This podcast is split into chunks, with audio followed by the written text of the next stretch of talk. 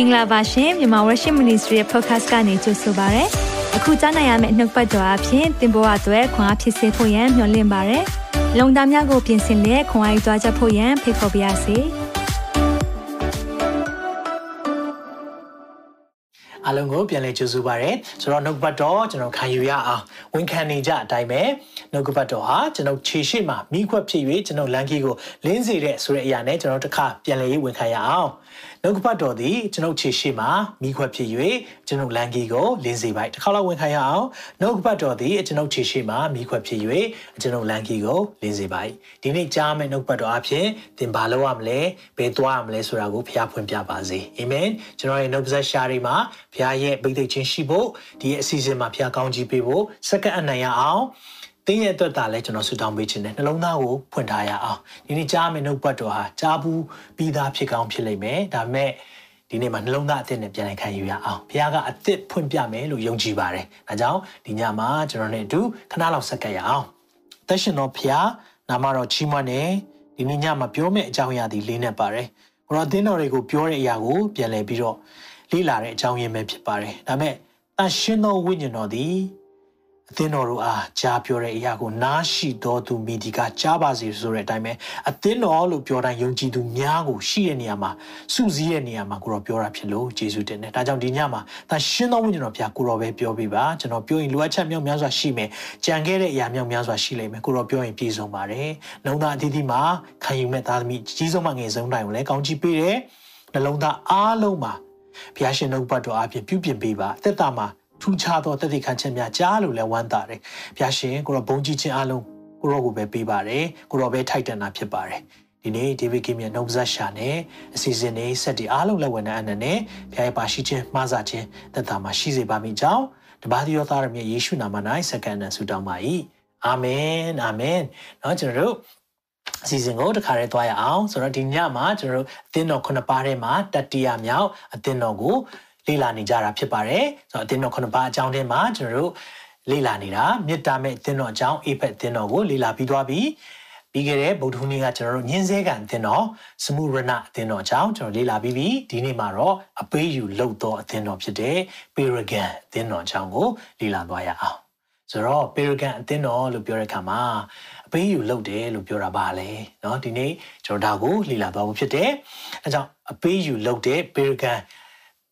ကြောင်းကိုပြောတဲ့အခါမှာတော့အဲ့ဒီပေရဂန်မြို့အကြောင်းကိုမပြောလို့မဖြစ်ပါဘူး။ဒါကြောင့်မလို့အဲ့ဒီပေရဂန်မြို့အကြောင်းကိုအရင်ဆုံး background လေးပြောပြချင်ပါတယ်။ဆိုတော့ဒီမြို့ကကြည့်မယ်ဆိုရင်တော့ကျွန်တော်ဒီမှာမြေပုံထဲမှာကြည့်တဲ့အခါမှာ APEC ပြီးရင်စမူရနာပြီးရင်ဟိုးအပေါ်ဆုံးပေါ့နော်မြောက်ဖက်အကျဆုံးမြို့လေးဖြစ်နေတယ်အဲဒီမှာတော့ Pergamos နော် P E R G A M O S Pergamos လို့ရေးထားတာ Paragon လို့ဆရာယူသတန်တော့ဘာသာပြန်ထားပေးတယ် Pergamos နော် Paragon မြို့အကြောင်းကိုအရင်ဆုံးပြောပြချင်တယ်အဲ့ဒီမြို့မှာဘာနာမည်ကြီးလဲဆိုရင်တော့ Paragon မြို့ရဲ့ပြဇက်ရုံပေါ့နော်အမျိုးသားပြဇက်ရုံကြီးကြီးတဲ့အခါမှာဒါအခုလက်ရှိမှာတောင်မှအခုဒီလိုမျိုးကြံခဲ့သေးတယ်ဒါနှစ်ပေါင်း2000ကျော်ပြီနော်2000 2500အဲ့လောက်ဝန်းကျင်လောက်ရှိမဲလို့ခံမှန်းကြည့်ရတယ်ဆိုတော့အဲ့ဒီရဲ့ အနေထားကိုသူတို့ကွန်ပျူတာနဲ့ပြန်လုပ်ကြည့်တဲ့အခါမှာဒီလိုပုံစံလေးဖြစ်လိမ့်မယ်နော်ဆိုကြည့်တဲ့အခါမှာအဲ့ဒီခစ်ကာလာကတောင်မှဒီလောက်တောင်မှခန်းခန်းနာနာကြီးနော်လုံနိုင်တယ်ဆိုရယ်မြို့ကတော်တော်လေးကြီးပြဲမြို့ဖြစ်တယ်နောက်ပြီးရင်ဒီ Paragon Paragon မြို့ကကျွန်တော်လေ့လာတဲ့အခါမှာဘာတွေ့ရလဲဆိုတော့သူ့ရဲ့ background မှာအဲ့ဒီ Paragon Emperor ပေါ့နော်ဒီဒီ Paragon Emperor ရှိတဲ့အချိန်တုန်းကသူကမြို့တော်လည်းဖြစ်ခဲ့ပူတယ်ဆိုတော့မြို့တော်အင်္ဂါရက်နဲ့ညီမဲ့အဆောက်အုံတွေเนาะဒါကျွန်တော်ပျက်စီးယူရွေးနေတာတော့မှဒီလောက်ရှိတယ်လူတထောင်တထောင်ဆန့်နေဆိုတဲ့အဆောက်အုံကြီးเนาะအခုခေတ်မှာစောက်ဖို့တော့တော်တော်ခက်တာသူတို့ခေတ်တုန်းကစောက်နိုင်တယ်ဆိုတာဒီမျိုးရဲ့ကျွဲဝချမ်းသာခြင်းရဲ့ အာဏာရှိခြင်းရဲ့ဂုံသတင်းကြော်စာကြော်ကြားခြင်းတွေကိုတွေ့ရတယ်။နောက်ပြီးအိမ်မြို့မှာထင်ရှားတဲ့နေရာကတော့နော်ဒါကတော့ပေရဂန်မြို့ရဲ့စာကြည့်လိုက်ကျွန်တော်ရဲ့ background လေးနော်အဲ့ဒီရဲ့စာကြည့်လိုက်ပုံလေးနဲ့လောက်ထားတာဖြစ်တဲ့ပေရဂန်မြို့ရဲ့စာကြည့်လိုက်မှာကြည့်တဲ့အခါမှာစာအုပ်ကြီးနော်စာအုပ်လို့ပြောတဲ့အခါမှာတော့ volume ပေါ့နော်အင်္ဂလိပ်လိုတော့ volume တော့စာ paper byte တွေလည်းဖြစ်ကောင်းဖြစ်လိမ့်မယ်နော်အဲ့အချိန်တော့စာအုပ်မှမရှိသေးတာဆိုတော့ဒါနှစ်သိန်းကျော်ရှိတယ်ဆိုတာ Greek တွေရဲ့ နော်တွေးခေါ်မှုပညာပိုင်းတွေမှာအစစ်မြင့်တယ် သူတို့တွေကစာပေယဉ်ကျေးမှုဖွံ့ဖြိုးတယ်နောက်ပြီးရင် Alexander the Great เนาะကျွန်တော်တို့သိတယ် Alexander ဘုရင်ရဲ့လက်ထက်မှာသူကကမ္ဘာတော်တော်များများကိုเนาะသူကနှစ်သူ့အသက်30လောက်မှတင်ကို30ကျော်ကျော်လေးမှတင်ကိုအားလုံးကိုသူကနိုင်သွားပြီเนาะဆိုတော့ကမ္ဘာတစ်ခုလုံးကိုသူထိန်းချုပ်နိုင်တဲ့အခါမှာဘာလုပ်ခိုင်းလဲဆိုတော့ Greek ဘာသာစကားတစ်ခုမဲ့ပြောခိုင်းတယ် တကဘာလုံးမှာ Greek စကားပဲပြောရမယ်နော်ဆိုတော့အဲ့ဒီ Greek စကားပဲပြောခိုင်းတဲ့ဒီပြောစီတဲ့သူ့ရဲ့လှုပ်ဆောင်ချက်ကဘယ်မှာသွားပြီးအကျိုးသက်ရောက်တယ်ထင်လဲအေးဝင်ကလေးသတင်းစကားပြောကြားခြင်းမှာလူတိုင်းနားလည်နိုင်အောင်လို့ဒါကြောင့်မလို့ခေါ်နေ Greek လို့ခေါ်တဲ့ခေတ်သုံး Greek စကားနဲ့ New Testament လို့ခေါ်တဲ့ကျွန်တော်တို့ရဲ့ဓမ္မသစ်ကျမ်းကိုရေးထားတယ် အဲ့လိုရေးထားတဲ့အခါမှာလူတိုင်းကဒီအရာကိုဖတ်နိုင်အောင်လို့ဖြစ်တယ်။ဒါပေမဲ့ယောမခေတ်ကအံ့ဩဖို့ကောင်းတယ်။ယောမတွေကလမ်းဖောက်တာတိတ်ဝါဒနာပါတယ်။ဒါကြောင့်မလို့ all roads lead to Rome လို့ပြောတယ်။လမ်းတိုင်းကတဲ့ဘယ်ကိုဥတီသွားလဲဆိုယောမမြို့ကိုဥတီတယ်ဆိုစကားပုံရှိတယ်။ဘာကြောင့်လဲ။ဧဝံဂေလိခရီးသွားဖို့ရန်အတွက်လမ်းတွေပေါက်ထားတာ။ဒီနေ့တော့ဖခင်ရဲ့နှုတ်ကပတ်တော်နဲ့ဖခင်ရဲ့ထိန်ချုံမှုထဲမှာ ဘယ်ရမဆိုရှိနေတယ်ဆိုတော့ကျွန်တော်နားလည်ဖို့ဖြစ်တယ်။ဒါကြောင့်မလို့ Greek ဘာသာစကားပြောတဲ့ချိန်မှာเนาะလမ်းတွေကဖောက်တဲ့ချိန်မှာဘာကဘာအတွက်အကျိုးဖြစ်သွားလဲဆိုတော့ a w i n g l y သတင်းစကားတွေအတွက်အကျိုးဖြစ်သွားတယ်ဆိုတာကိုတွေ့ရတယ်เนาะဆိုတော့ဆက်ပြီးတော့ကြည့်ရအောင်အဲ့ဒီမှာเนาะဒီမှာအစာစာအုပ်ပေါင်း2သိန်းကျော်လောက်ရှိတယ်လို့ပြောတဲ့အခါမှာเนาะကျွန်တော်သိတဲ့အတိုင်းပဲเนาะ Plato တို့ Socrates တို့တကယ်အတွေးခေါ်ပညာရှင်တွေထွက်တဲ့ နော်နိုင်ငံဖြစ်နေခဲ့တာကြောင့်သူတို့ရဲ့တွေးခေါ်မှုကသိမြင်မြင်ပါတယ်နော်ဒါပေမဲ့အဲ့ဒီအဲ့ဒီ Greek လက်အောက်မှာရှိခဲ့တယ်နော် Greek လက်အောက်ကနေနောက်ပြီးတော့ယောမခေပြောင်းလာတယ်အဲ့ဒီလက်အောက်မှာရှိခဲ့တဲ့ Perigan မြို့က နော်အဲ့ဒီအသင်းတော်ကိုသခင်ယေရှုပြောတဲ့စကားကိုကျွန်တော်ဘယ်မှာတွေ့ရလဲဆိုတော့ဗျာဒိတ်ချန်ခန်းကြီး1ထဲမှာတွေ့ရတယ်နော်ဆိုတော့အဲ့ဒါလေးကိုအရင်ဆုံးကျွန်တော်ဖတ်ရအောင်ဒီနေ့မှာအချက်၁၀ချက်ပြောမယ်နော်ဆိုတော့ကျွန်တော် highlight လုပ်ထားတဲ့အရာလေးတွေအားလုံးတစ်ကြောင်းချင်းနားလည်သွားအောင်ရှင်းပြခြင်းနဲ့ဒါကြောင့်မလို့ကျွန်တော်တို့အချိန်နဲ့ယူသွားမယ်ဒါမဲ့အားလုံးစိတ်ဝင်စားစရာကောင်းမဲ့ပုံလေးတွေလည်းပြပေးမယ်နော်ဆိုတော့ဒီမှာကြည့်တဲ့အခါမှာပေရဂမ်မြို့၌ရှိတော့အသင်းတော်ဤတမန်ကိုဤတို့ရေး၍မလိုက်လို့အသင်းတော်ရဲ့တမန်လို့ပြောတိုင်း ဒါသင်အုပ်ကိုပြောတာဖြစ်တယ်နော် leader of the church ကိုပြောတာဖြစ်တယ်ဒါကြောင့်ထက်သောတန်လျက်ရှိသောသူရဲ့အမိန်တဲ့သခင်ယေရှုကသူ့ကိုယ်သူဘာပြောလဲဆိုတော့ထက်သောတန်လျက် နော်ဒါကဘာကိုဆိုလိုတာလဲထက်သောတန်လျက်ဆိုတာကတခြားမဟုတ်ပါဘူးနှုတ်ကပတ်တော်ဆိုလိုတာဖြစ်တယ်ဟေဘရဲလေးအငယ်စနစ်မှလို့ပြောတယ်ဖျားသခင်နှုတ်ပတ်တရားတော်သည်အသက်ရှင်ခြင်းတကိုးနဲ့ပြုပြင်ခြင်းတန်လျက်တကာတို့ထက်ထက်ခြင်းနဲ့ပြည့်စုံသည်ဖြစ်၍အသက်နဲ့စိတ်ဝိညာဉ်ကို၎င်းအယိုးစစ်နှင့်ခြင်းစီကို၎င်းပိုင်းခြား၍ထုတ်ခြင်းခွင့်တတ်၏စိတ်လုံးချမ်းစီများကိုလည်းသိမြင်တတ်၏ဟာလေလုယာ အဲ့မှာဗာပြောလဲငါတို့ကိုစစ်ကြောစီရင်တော်မူသောသူရှိ၌မထင်ရှားသောအရာတစ်စုံတစ်ခုမျှမရှိခတ်သိမ်းသောအရာတို့သည်အကွယ်ကမရှိပဲမှောက်မျက်မှောက်တော်၌လန်ထားလျက်ရှိကြ၏ပြောချင်တဲ့သဘောကဘာလဲဆိုတော့ဖျားရှိမှလိန်လို့မရအောင်ဒီနေ့ခုနမှာနှုတ်ပတ်တော်ကြည့်တဲ့အခါမှာထက်သောတန်လျက်လို့ပြောချင်တဲ့အဓိပ္ပာယ်ပါလဲဆိုတော့နှုတ်ကပတ်တော်ရဲ့ထက်မြက်ခြင်းကိုပြောတာဖြစ်တယ်လို့နောက်တစ်ခုကစစ်ကြောစီရင်ခွင့်ရှိတယ်ဆိုတာကိုပြောချင်တယ် ဖခင်ကစိတ်ကြောစီရင်ပိုင်ခွင့်ရှိတယ်သူရှိမှလိန်စရာမလိုဒါကြောင့်ကျွန်တော်တို့ကအရှိကိုအရှိတိုင်းဖခင်ရှိမှလာရတယ်ဆိုတော့အမြဲတမ်းကျွန်တော်တို့ပြောနေတာဖြစ်တယ်အာမင်ဒီမှာကြည့်တဲ့အခါမှာเนาะဒါကြောင့်ထက်သောတန်လက်ဆိုတာဖျားရဲ့နှုတ်ကပတ်တော်ကိုပုံဆောင်နေဆိုတာကိုနံပါတ်1ချက်သိရအောင်နံပါတ်2သွားတဲ့အခါမှာဗျာဒိတ်ကျမ်းနှစ်73မှာဘယ်လိုပြောလဲဆိုတော့တင်းကျင့်ကျင့်ခြင်းကို၎င်းเนาะဆိုတော့ဖျားကကျွန်တော်တို့ကိုစကားပြောတဲ့အခါမှာအမြဲတမ်းကျွန်တော်တို့ရဲ့လှုပ်ဆောင်မှုကိုသိမှတ်တယ်ဆိုတာအရင်ဆုံး ကျွန်တော်နားလည်ရအောင်ဒါကြောင့်တင့်ကျင့်ကျင့်ခြင်းကို၎င်းစာတန်ဤရာဇပလင်ရှိရာအရက်တည်းဟုသောတင်ဤနေရာအရက်ကို၎င်းငါသိ၏တဲ့စာတန်ရဲ့ရာဇပလင်ရှိတဲ့နေရာတဲ့ပေရဂံမြို့ကနော်စာတန်ရဲ့ယာဇပလင်ရှိတယ်ဆိုတာဘာလို့ဆိုလိုတာလဲခဏလောက်ကြည့်အောင်စာတန်ရဲ့ယာဇပလင်ရှိတဲ့နေရာတဲ့ဆိုတော့အဲ့ဒီယာဇပလင်ရှိတဲ့နေရာကကျွန်တော်ကြည့်တဲ့အခါမှာဘာတွေ့ရလဲဆိုတော့အဲ့ဒီမှာနော် the altar of Zeus Zeus ဆိုတာက Greek နတ်ဖျားကောင်းကင်နတ်ဖြစ်တယ်။သူကကောင်းကင်ကိုအုပ်ချုပ်တယ်နော်။သူကဖျားအားလုံးရဲ့ဖျားအဲ့လိုပုံစံမျိုးဘယင်ဖျားဘယင်တကာတို့ရဲ့ဘယင်အဲ့လိုပုံစံမျိုးနဲ့သူကသွားတာဖြစ်တယ်။ဒါကစာတန်ကအမြဲတမ်းဖျားကိုအန်တုပပြီးတော့အမြဲတမ်းဟိုအ တုခိုးတယ်ဆိုတာကိုသိစေချင်တယ်နော်ဆိုတော့ Zeus နော်အခုအချိန်မှာအာဒီဇလန်တွဲတွေကြီးတဲ့ခါမှာလဲခဏခဏဒီနာမည်ကိုတွေ့ရတယ် Greek နတ်ဘုရားသူကဘာလုပ်လဲဆိုရင်တော့သူကမိုးကြိုးသွားတွေနဲ့ပေါ့နော်သူကကောင်းကင်ကိုအစိုးရတယ်ဆိုတော့သူ့ရဲ့ရန်သူတွေကိုမိုးကြိုးတွေနဲ့ပစ်တယ်လို့စသဖြင့်သူကအဲ့လိုစွမ်းတယ်ဆိုတာအဲ့ဒီမြို့မှာရှိတဲ့ရစ်ပလင်တွေ့လားနော်ဆိုတော့အခုဒါအကျိုးပြက်လေးတွေကျွန်တော်တွေ့တာနော်ဒါပေမဲ့အဲ့ဒီတုန်းကဆိုဘယ်လောက်ခံနာမလဲနော်ဆိုတော့ကောင်းကင်နတ်ကိုကိုးကွယ်ခြင်းရင်လဲအဲ့ဒီမျိုးမှာရှိတယ် နော်ဟုတ်ပြီဒါမှမဟုတ်ရင် Zeus မဟုတ်ဘူးအာဟိုဒီအပျော်ပါကြိုက်တယ်စားတောက်ခြင်းတွေကြိုက်တယ်ဆိုလဲကိစ္စမရှိဘူးပေရဂမ်မြို့လာခဲ့ရစ်မူးခြင်းနဲ့ရှိတယ်တဲ့အဲ့ဒီရစ်မူးခြင်းနဲ့ကတော့ဘာခေါ်လဲဆိုတော့ဒီမှာရေးထားတယ်နော် the temple of uh di uh dionysus နော် dionysus ဆိုရဲဒီ Greek နတ်ဖျားကတော့ရစ်မူးခြင်းဆိုတော့ဒီဖျားကိုကိုးကွယ်မဒါသူတို့ရဲ့ temple ဆိုရဲအရင်ရှိခဲ့တဲ့နေရာเนาะဒီရှိခဲ့တဲ့နေရာအကျိုးပြက်လေးတွေကိုအနှင်းငယ်ပုံဖော်ထားတာဖြစ်တယ်အဲ့ဒီမှာဆိုရင်ရစ်မှုလို့ရတယ်တောက်စားပြီးတော့เนาะလိန်အပျော်ပါးတွေဆက်ဆံပြီးတော့တခါလေးမှာလူတက်မှုတောင်ဖြစ်တယ်လိန်ကျူးလွန်ပြီးတော့အဲ့လောက်အထိဖြစ်တဲ့နေရာမှာရှိတယ်အဲ့ဒီမှာအစားအသောက်တွေလည်းစားကြတယ်เนาะအထူးသဖြင့်ဒီလိုအသားတွေစားကြတဲ့အရာတွေဒါကိုနောက်ပိုင်းမှာဆက်ပြောပြမယ်ကဲရင်မူးခြင်းတယ်ဆိုလဲအဲ့ဒီနေရာမှာလှုပ်လို့ရတယ် เนาะဆိုတော့ရှိနေတယ်ဒီမျိုးကဆုံးတယ်เนาะဒါလည်းတွေ့ရတယ်ဟုတ်ပြီဆက်ကြည့်တဲ့အခါမှာကဲအဲရင်မူခြင်းလည်းမဟုတ်ဘူးဒါပေမဲ့စားနပ်ရိတ်ကတနည်းအားဖြင့်ကိုယ့်ရဲ့လေယာစိုက်ပျိုးရေးမှာဖြစ်ထွန်းခြင်းနဲ့เนาะဆန်စပါးတွေအောင်ခြင်းနဲ့အသီးနှံတွေဖွံ့ဖြိုးခြင်းနဲ့စားနပ်ရိတ်ခါတွေအတွက်ကောင်းစားခြင်းနဲ့ဆိုရင်ရသေးတယ်အဲဒမီတာဆိုရဲဖယမကိုကိုးကွယ်လို့ရသေးတယ်အဲ့ဒီဖယမရှိတဲ့ အဲဒီနတ်ကွန်းပေါ့နော်နတ်ကွန်းလို့ပြောမလားဒါမှမဟုတ်ရင်အဲသူရဲ့နတ်ဗိမာန်လို့ပြောမလားအဲ့ဒီနေရာလဲရှိနေပြန်ရောကြည်အောင်နော်ဆိုတော့ဘယ်ဖျားကိုကိုးကွယ်ခြင်းလဲဘယ်နတ်ဖျားကိုကိုးကွယ်ခြင်းလဲရှိတယ်ဆိုတော့ဒီနေရာလဲရှိတယ်ဒါမှမဟုတ်ရင်ဟောအနာငိမ့်ခြင်းလို့လားအနာငိမ့်ခြင်းလို့ရဆိုရင်တော့ healing center ဆိုအနာငိမ့်တဲ့နေရာရှိပြန်ရောဒါတကယ်နေရာတွေเนาะကျွန်တော်ရှာထားပေးတာဖြစ်တယ်ဆိုတော့အဲ့ဒီမှာကြည့်တဲ့အခါမှာ as clear as clear as clearlius လို့ခေါ်တယ် as clear Asclepius နော် sorry နာမည်ဖတ်ရခက်နေနော် Asclepius လို့ခေါ်တဲ့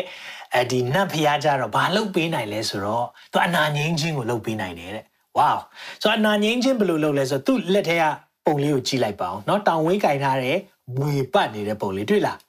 ဆိုတော့ အဲ့ဒီအရာကဘာကိုပြောလဲဆိုတော့သူတို့ကအဲ့ဒီအနာငိမ့်တဲ့နေရာမှာလာရင်လူတွေကိုအိမ်မွေချလိုက်တယ်အိမ်မွေချပြီးအားလုံးကအမောင်ထဲမှာအိပ်ပျော်နေပြီဆိုရင်ဘာလုပ်လဲဆိုတော့သူတို့ကဟိုမွေတွေနဲ့အိပ်ပေါ်မှာဖြတ်ပြီးတော့မွေတွေကကုသပေးတယ်ဆိုတော့အဲ့ဒီထုံးဟိုဘယ်လိုပြောမလဲကုထုံးလေးတွေလုပ်တယ်အဲ့လိုကုထုံးလေးတွေလုပ်တဲ့နေရာလည်းရှိတယ်ဒါကြောင့်မကြမ်းပါဘူးလားဒီနတ်ဖျားကိုကိုးကွယ်လို့ရနေတယ်ဆိုတဲ့အရာလေးလည်းတွေ့ရတယ်ဆိုတော့ကြည့်တဲ့အခါမှာဘလောက် စုံလဲเนาะဆိုတော့ဒါပဲလားလို့ပြောတဲ့အခါမှာအဲ့ဒီတိုင်မှာမွေပတ်နေတဲ့အရာကိုကျွန်တော်မမသွားတွေ့ရလဲဒီလားအဲ့ဒီအနာငိမ့်ချင်းနတ်ကနေလာတယ်ဆိုပြီးတော့အခုဒီမှာเนาะဒါတွေတွေ့ရတာအခုချိန်မှာကျွန်တော်တို့သူတို့ဒါဒါပါခေါ်လဲဆိုတော့ Asclepius Asclepius rod လို့ခေါ်တယ်เนาะဒီအရာလေးတွေကိုလည်းတွေ့ရတယ်တွေ့ရပြီးတော့အဲ့ဒီမှာကပဒီကျမ်းမာရေးဒစိမ့်မှာတောင်ပါတယ် ဆိုတော့မိခွန်းကရှိလာတယ်ဒီအရာကသူတို့ကနေစတာလားဒါမှမဟုတ်ရင်ဓမ္မဟောင်းကျမ်းစာတော်ကတွေ့ခဲ့တဲ့အကြောင်းအရာ story တစ်ခုကနေယူထားတာလားဒီအရာလေးတွေကိုလည်းကျွန်တော်တွေ့ရတယ်เนาะကျွန်တော်ဒီနေ့အချိန်မရှိတဲ့အတွက်အာတရားတော့ဟိုမဆွေးနွေးတော့ဘူးเนาะဆိုတော့တောလေရာကျမ်း27မှာဖတ်မယ်ဆိုရင်တွေ့ရတယ်နောက်ပြီးဓမ္မရာဆိုရင်သရုပ်ထဆောင်18မှာဘာတွေ့ရလဲဆိုရင်တော့အဲ့ဒီမှာကြီးဝါ မွေရုပ်လေးကနော်မောရှေကနေဂျေဝါမွေရုပ်လေးကိုလှုပ်တယ်။ဣသီလလူမျိုးတွေကအပြစ်လှုပ်တဲ့ခါမှာမီးမွေတွေကကြိုက်တယ်။အဲ့ချိန်မှာဖခင်ကမောရှေကိုဗာပြောလဲဆိုတော့ဂျေဝါမွေရုပ်လေးကိုလှုပ်ပါ။တိုင်ပေါ်မှာတင်ထားပါ။အဲ့ဒါကိုကြည့်တဲ့လူအသက်ချမ်းသာရမယ်ဆိုတော့အရာလေးတွေရှိခဲ့တယ်။ဒါပေမဲ့အဲ့မွေရုပ်ကိုဟေဇကိလက်ထက်ရောက်တော့ဓမ္မရာဇဝင်18ထဲမှာဖတ်ကြည့်ရင်တွေ့လိမ့်မယ်နော် အဲ့ဒီအယုတ်ကိုလူတွေကကိုးကွယ်နေကြတယ်။အေးဒီလာလူမျိုးတွေကအဲ့ဒီအယုတ်ရှိမှနော်သူတို့ပူဇော်ပသမှုတွေလုပ်တဲ့အခါမှာဟေဇကိမီကအဲ့ဒီဟာပါဖြတ်စီးပလိုက်တယ်ဆိုတဲ့အကြောင်းအရာကိုတွေ့ရတယ်။ဆိုတော့ခုနပြောတယ်အနာငိမ့်ချင်းနတ်ဖျားကသူ့မွေနဲ့သုံးတယ်လို့ပြောတဲ့အရာကတော့ဒါကတော့အခုချိန်မှာကျမ်းမာရေးတစ်စိတ်အနေနဲ့ဘယ်ကလာလဲဆိုရင်တို့ကအဲ့ဒီကျမ်းမာရေးဌာနကလာတယ်ဟေးအဲ့ဒီတော့ကကုသနည်းကို အထိမ့်မှတ်လုပ်ထားတာလို့ပြောပြီးမယ်ကျွန်တော်တို့သိတဲ့အတိုင်းပဲဒါကနော်ဖခင်ရဲ့ဒီအဲဓမ္မဟောင်းထဲမှာမောရှေကိုသွန်သင်တဲ့အရာအားဖြင့်လာနိုင်တယ်ဆိုတာလေကျွန်တော်တို့ခံမှန်းကြည့်လို့ရတယ်။ဘာကြောင့်လဲစာတန်ကအမြဲတမ်းဘာလုပ်လို့ရှိလဲဆိုတော့ဖျားလှုပ်ချင်တဲ့အရာဖျားရဲ့ အရာအလုံးအတူခိုးလေးရှိတယ်။ဘာကြောင့် तू ကကိုယ်တိုင်ကဖျားဖြစ်ချင်တော့ तू ကလှုပ်လို့မရအောင်လေနော်။ तू က तू လှုပ်လို့မရတော့ဖျားလှုပ်တဲ့အရာတွေကိုအမြဲတမ်းအန်တူပလေးရှိတယ်။ဒါကြောင့်ကျွန်တော်တို့ခမဲတော်သားတော်တန်ရှင်းသောဝိညာဉ်တော်ဆိုပြီးတော့သုံးပါတလုံးတဝဖြစ်တဲ့အရာကိုလည်း तू က Satan unholy trinity လို့ခေါ်တယ်။ तू ကခမဲတော်နေရာနေပြီးတော့နော် तू ကသားတော်ယေရှုကိုပုံဆောင်တဲ့ antichrist ကိုလွတ်မယ်နော်။ပြီးရင်တန်ရှင်းသောဝိညာဉ်တော်ကိုပုံဆောင်တဲ့ तू က false prophet ကိုလွတ်အောင်မယ်။ဆိုတော့ သူကသူကိုယ်တိုင်ကကိုဒါ Satan Trinity လို့ခေါ်တဲ့အရာနားနောက်ပိုင်းမှာကျွန်တော်တို့လေ့လာသွားရအောင်เนาะလိုက်လို့လို့ရှိတယ်ဆိုတာကိုလည်းတွေ့ရတယ်เนาะဆက်ကြည့်အောင် အကယ်၍ကျမ်းမာရေးဌာနကျမ်းမာရေးနဲ့ပတ်သက်ပြီးမလို့ပဲဉာဏ်ပညာလိုတယ်เนาะယောမစစ်စစ်ပညာတွေเนาะဘလို့ဘယ်နေရာမှာဘလို့စစ်တိုက်ရမလဲဒါတွေသိချင်လားရသေးတယ်ဉာဏ်ပညာပေးနိုင်တဲ့နတ်ဖျားလည်းရှိတယ်เนาะ the temple of เนาะ Athena เนาะ Athena ဆိုရဲဒီဟာလည်းရှိပြန်ရောเนาะ Athena နတ်ဖျားကိုကိုးကွယ်မယ်ဆိုဉာဏ်ပညာရတယ်ကြည့်အောင်တော့နတ်ဖျားတွေဘလောက်များလဲ ဒါတွေရှိတဲ့နေရာမှာဒါမှမဟုတ်ဘူးဆိုရင်တော့ကဲလုံခြုံခြင်းနဲ့မဆာခြင်းလိုအပ်တယ်ဆိုရင်ကဲတာဘယင်ကိုကိုစားပြုတယ်เนาะ the temple of Trajan လို့ခေါ်တဲ့ Trajan အဲဒီနတ်ဗိမာန်ကိုလည်းကူးကွယ်လို့ရသေးတယ်ဆိုတော့ကျွန်တော်တို့အခုကြည်လာတဲ့ခါမှာတွေကိုဟိုအများကြီးเนาะဘယ်နှခုလောက်ရှိလဲ6ခုလောက်ရှိတယ်ဒီ6ခုလောက်ရှိတော့ဒါကြောင့်မလို့စာတန်ရဲ့ယာဇပလင်ရှိတဲ့အရက်မှာသင်ရှိနေတာကိုလည်းသိတယ်တဲ့เนาะဖခင်ကဒီအရာကိုလည်းနားလေတယ်ဒါကြောင့်မလို့စာတန်ရဲ့ယာဇပလင်အရက်တီဟူသောအဲ့ဒီအရက်မှာ နေတာကိုလည်းသိတယ်လို့ပြောတာတခြားကြောင့်မဟုတ်ပါဘူးခုနပြောတဲ့ temple တွေเนาะ6ခုလောက်တကယ်ဒါဒါ major ဆိုတဲ့ကြီးမားတဲ့နတ်ဖျား6ခုပဲရှိသေးတယ်ကျန်တဲ့တိတ်မွားမွားတွေအများကြီးရှိသေးတယ်เนาะဆိုတော့ဒါတွေရှိတဲ့နေရာမှာအသင်းတော်ရက်တီရတယ်ဆိုတာဘယ်လောက်ခက်မလဲเนาะဒါကြောင့်မလို့ဒီအကြောင်းလေးဆက်ပြီးပြောရအောင်အဲ့ဒီမှာကြည့်တဲ့အခါမှာစာတန်ရဲ့နေရာအရ၌သင်တို့တွင်အသေးသက်ခြင်းကိုခံရသောအန်တီပတ်เนาะဆိုတော့ Antipas Antipas အကြောင်းကိုဒီမှာဖျားကလည်းအတိမတ်ပြုတယ်။ဘာပြောလဲဆိုတော့တစ္ဆာရှိ၍ငါဖက်၌တက်တည်ခံရသောနေ့ရက်ကာလတွင်ပင်တင်ဒီငါဤနာမကိုဆွဲကင်၏တဲ့နော်ဆိုတော့တစ္ဆာရှိပြီးတော့လုံးဝ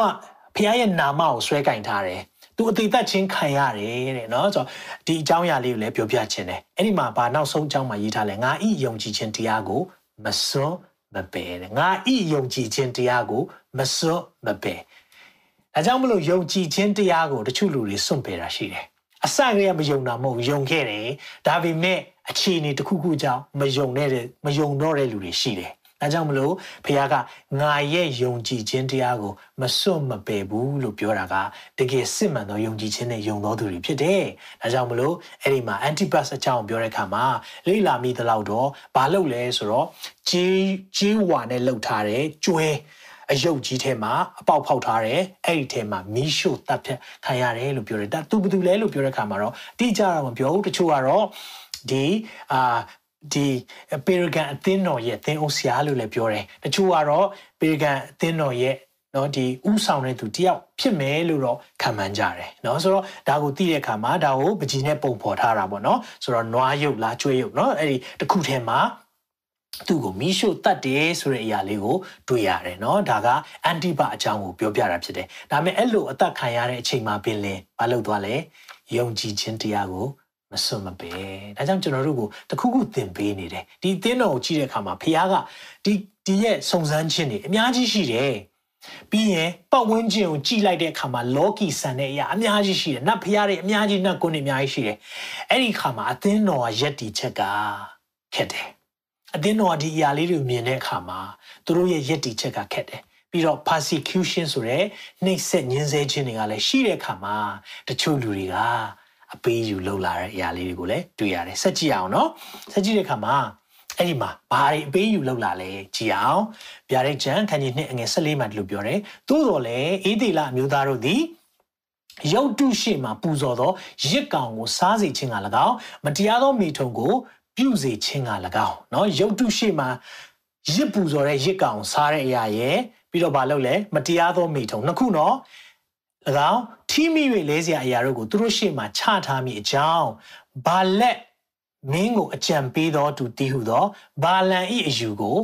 ဆွဲလန်းသောသူတို့သည်တင်ဤနေရာ၌ရှိကြသည်ဖြစ်၍ တင်၌အနှဲငယ်သောအဖြစ်တင်စရာရှိဖះကလေအနေနဲ့တော့ပြောစရာရှိတယ်မင်းတို့အသိတော်ဘူးနားလေတယ်မင်းအချင်းချင်းချင်းနေလှုပ်ဆောင်မှုတွေတင်းတော်ရဲ့လှုပ်ဆောင်ချက်တွေနားလေတယ်ယုံကြည်သူတွေရဲ့လှုပ်ဆောင်ခြင်းကိုနားလေတယ်ပြီးရင်စာတန်ရဲ့ယာဇပလင်ရှိတဲ့နေရာတနည်းအားဖြင့်ပတ်ဝန်းကျင်မှာကြီးတဲ့အခါမှာစာတန်ရဲ့လုပ်ရက်တွေနဲ့စာတန်ရဲ့နှက်ကွန်းတွေရှိနေတဲ့အရာလဲမြင်နေဒါမဲ့အဲ့ဒီမှာတချို့တွေကလှုပ်ဆောင်ချက်တွေ မှားနေတာလေးတွေကလည်းတွေ့တဲ့ဟာကိုသခင်ယေရှုကပြောတယ်အနည်းငယ်အပြစ်တင်စရာရှိတယ်အဲ့ဒါကဘာလဲဆိုတော့ဘာလန်ရဲ့အယူဆဆိုတော့ဘာလန်အကြောင်းကိုကျွန်တော်တို့တွေလေ့လာခြင်းနဲ့ဆိုရင်တော့ဘာလန်ကဘာလုပ်လေးရှိလဲဆိုတော့เนาะကျွန်တော်တို့အာဒီအကြောင်းကိုသိချင်တယ်ဆိုရင်အာတောလေယာကျန်24နဲ့25နဲ့ဒေါ်လာရ31ထဲမှာတွေ့ရတယ်เนาะဒေါ်လာရ24 25မှာအထူးပြပြောထားတယ်ဆိုတော့သူက ဘာလက်မင်းကသူ့ကိုပတ်စံပေးပြီးတော့ခိုင်းတာဘာလုပ်ခိုင်းလဲဆိုတော့အေးဒီလာလူမျိုးတွေကိုချိန်ဆခိုင်းတာဆိုတော့သူကလည်းအကြီးကျယ်ပဲပတ်စံရတယ်ဆိုတော့လုံမယ်ဆိုပြီးတော့ချိန်ဆမလို့ဒါပေမဲ့ဖခင်ကခွင့်မပေးဘဲနဲ့သူ့ပါဇက်ကချိန်ဆတဲ့စကားမပြောဘဲနဲ့ဘာပဲထွက်လာလဲဆိုတော့ကောင်းကြီးပေးတဲ့စကားပဲထွက်လာတယ်ဆိုတော့တစ်ခါလှုပ်တယ်မရအောင်ကောင်းကြီးပေးတဲ့စကားအဲ့ဒါနောက်တနေရာမှာသွားပြီးတော့ဗာလက်မင်းဒီတစ်ခါတော့ကျင်ဆဲပေးပါဆိုတော့လည်းမရအောင်ကောင်းကြီးပဲပေးတယ်နောက်ဆုံးချိန်ကဲ မကျင်ဆဲနိုင်ဘူးဆိုကောင်းကြီးတော့မပေးပါနဲ့ဆိုလည်းမရဘူးဖခင်ကကောင်းကြီးပေးတဲ့စကားပဲထွက်ခိုင်းတယ်ဒီဘာခွန်အားရလဲဒီလားတချို့လူတွေတင့်ကိုကျင်ဆဲဖို့လည်းကြိုးစားနေရင်တော့မှလေသူတို့ပါဇက်ကကောင်းကြီးစကားပဲထွက်လာလိမ့်မယ်ဟာလေလုယာဒီနေ့မှာကျွန်တော်ခွန်အားယူစရာအများကြီးရှိတယ်ဖခင်ရဲ့အထဲမှာဖခင်ရဲ့ကောင်းကြီးပေးတဲ့လူမျိုးဖြစ်တဲ့အခါမှာကျင်ဆဲလို့မရဘူး။ ဒါကြောင့်ဗဇက်ကနေအမျိုးမျိုးကျင်ဆဲချင်တော့မှကောင်းကြီးစကားပဲထွက်လာမယ်ဆိုတဲ့အရာကိုတွေ့ရတယ်။ဆိုတော့ဘာလန်ရဲ့အယူဆကအဲ့ဒါနဲ့သူကျင်ဆဲလို့မရတော့ဘာလန်ကဘာလုပ်လဲဆိုတော့သူရဲ့ဘာလန်အကြံပေးလိုက်တယ်။ဘာလက်မင်းကိုဘာပြောလဲဆိုတော့အဲ့မှာတောလေးရ25ထဲမှာဘာတွေ့ရလဲဆိုတော့သူကအကြံပေးလိုက်တဲ့အခါမှာအေးဒီလာအမျိုးသားတို့သည်နော်ဒီမှာကြည့်ရဲရှိတ်တိ န်ရှိတ်တိန်အရက်၌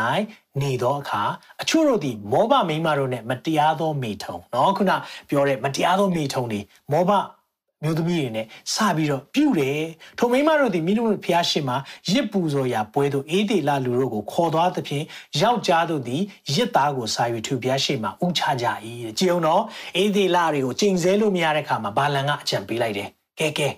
ဘာလန်ကပြောလဲဆိုတော့သူတို့အဲ့ဒီအေးသေးလာမျိုးသားတွေကို မြူဆွဲရအောင်မောဘအမျိုးသမီးတွေကသွားမြူဆွဲလိုက်သူတို့ဖျားကိုကိုးကွယ်မဲ့စာဘာလဖျားကိုကိုးကွယ်ဖို့သွားပြီးမြူဆွဲလိုက်အမှငယ်သုံးမှာထို့သောအေးဒီလမျိုးသားသည်ဘာလပေဂုရဖျားကိုစီးကပ်သောကြောင့်သာရဖျားသည်အမျက်ထွက်တော်မူတယ်အဲ့ဒီအမျက်ထွက်တဲ့အရာကဖျားရဲ့ဆုံးမခြင်းရှိတဲ့အခါမှာလူပေါင်း2000နဲ့မှ4000အဲ့ဒီနေ့မှာသေဆုံးတယ်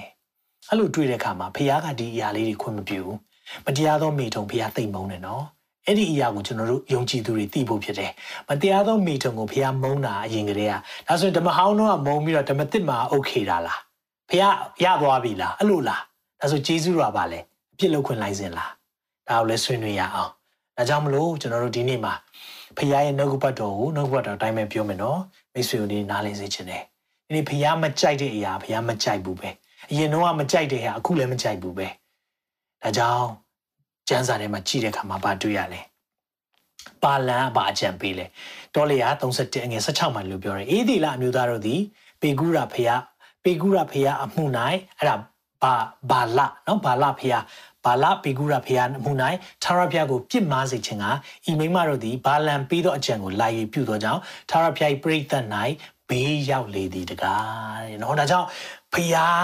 မကြိုက်တဲ့အရာတော့သူချိန်ဆလို့မရတော့ နောက်ဆုံးကြတော့အကြံပေးလိုက်တယ်ကဲမျိုးဒီအေးဒီလာမျိုးသားတွေကိုလမ်းလွဲအောင်လုပ်မယ်နောက်ဆုံးတော့စာတန်ကသိပါနှက်တယ်ဆိုတာနားလဲစေချင်တယ်ဒီနေ့မှာအသင်းတော်ကိုဖျက်ဆီးလို့မရရင်ဘာလုပ်လဲဒီလားအသင်းတော်တွေကလူတွေကိုအကြံပေးလေးရှိတယ်သူကအကြံလေးတွေထည့်ပေးတယ်ဆိုတော့ဟုတ်မလို့လို့နဲ့အကြံလေးတွေထည့်ပေးပြီးတော့အဲ့ဒီအကြံလေးတွေကနေအသင်းတော်ထဲမှာလှိုက်စားဖို့ဖြစ်စေတာဒီနေ့ကျွန်တော်တို့နားလည်ရအောင်ဒီနေ့ဒီအရာလေးတွေကိုကြည့်တဲ့အခါမှာအခုအချိန်မှာ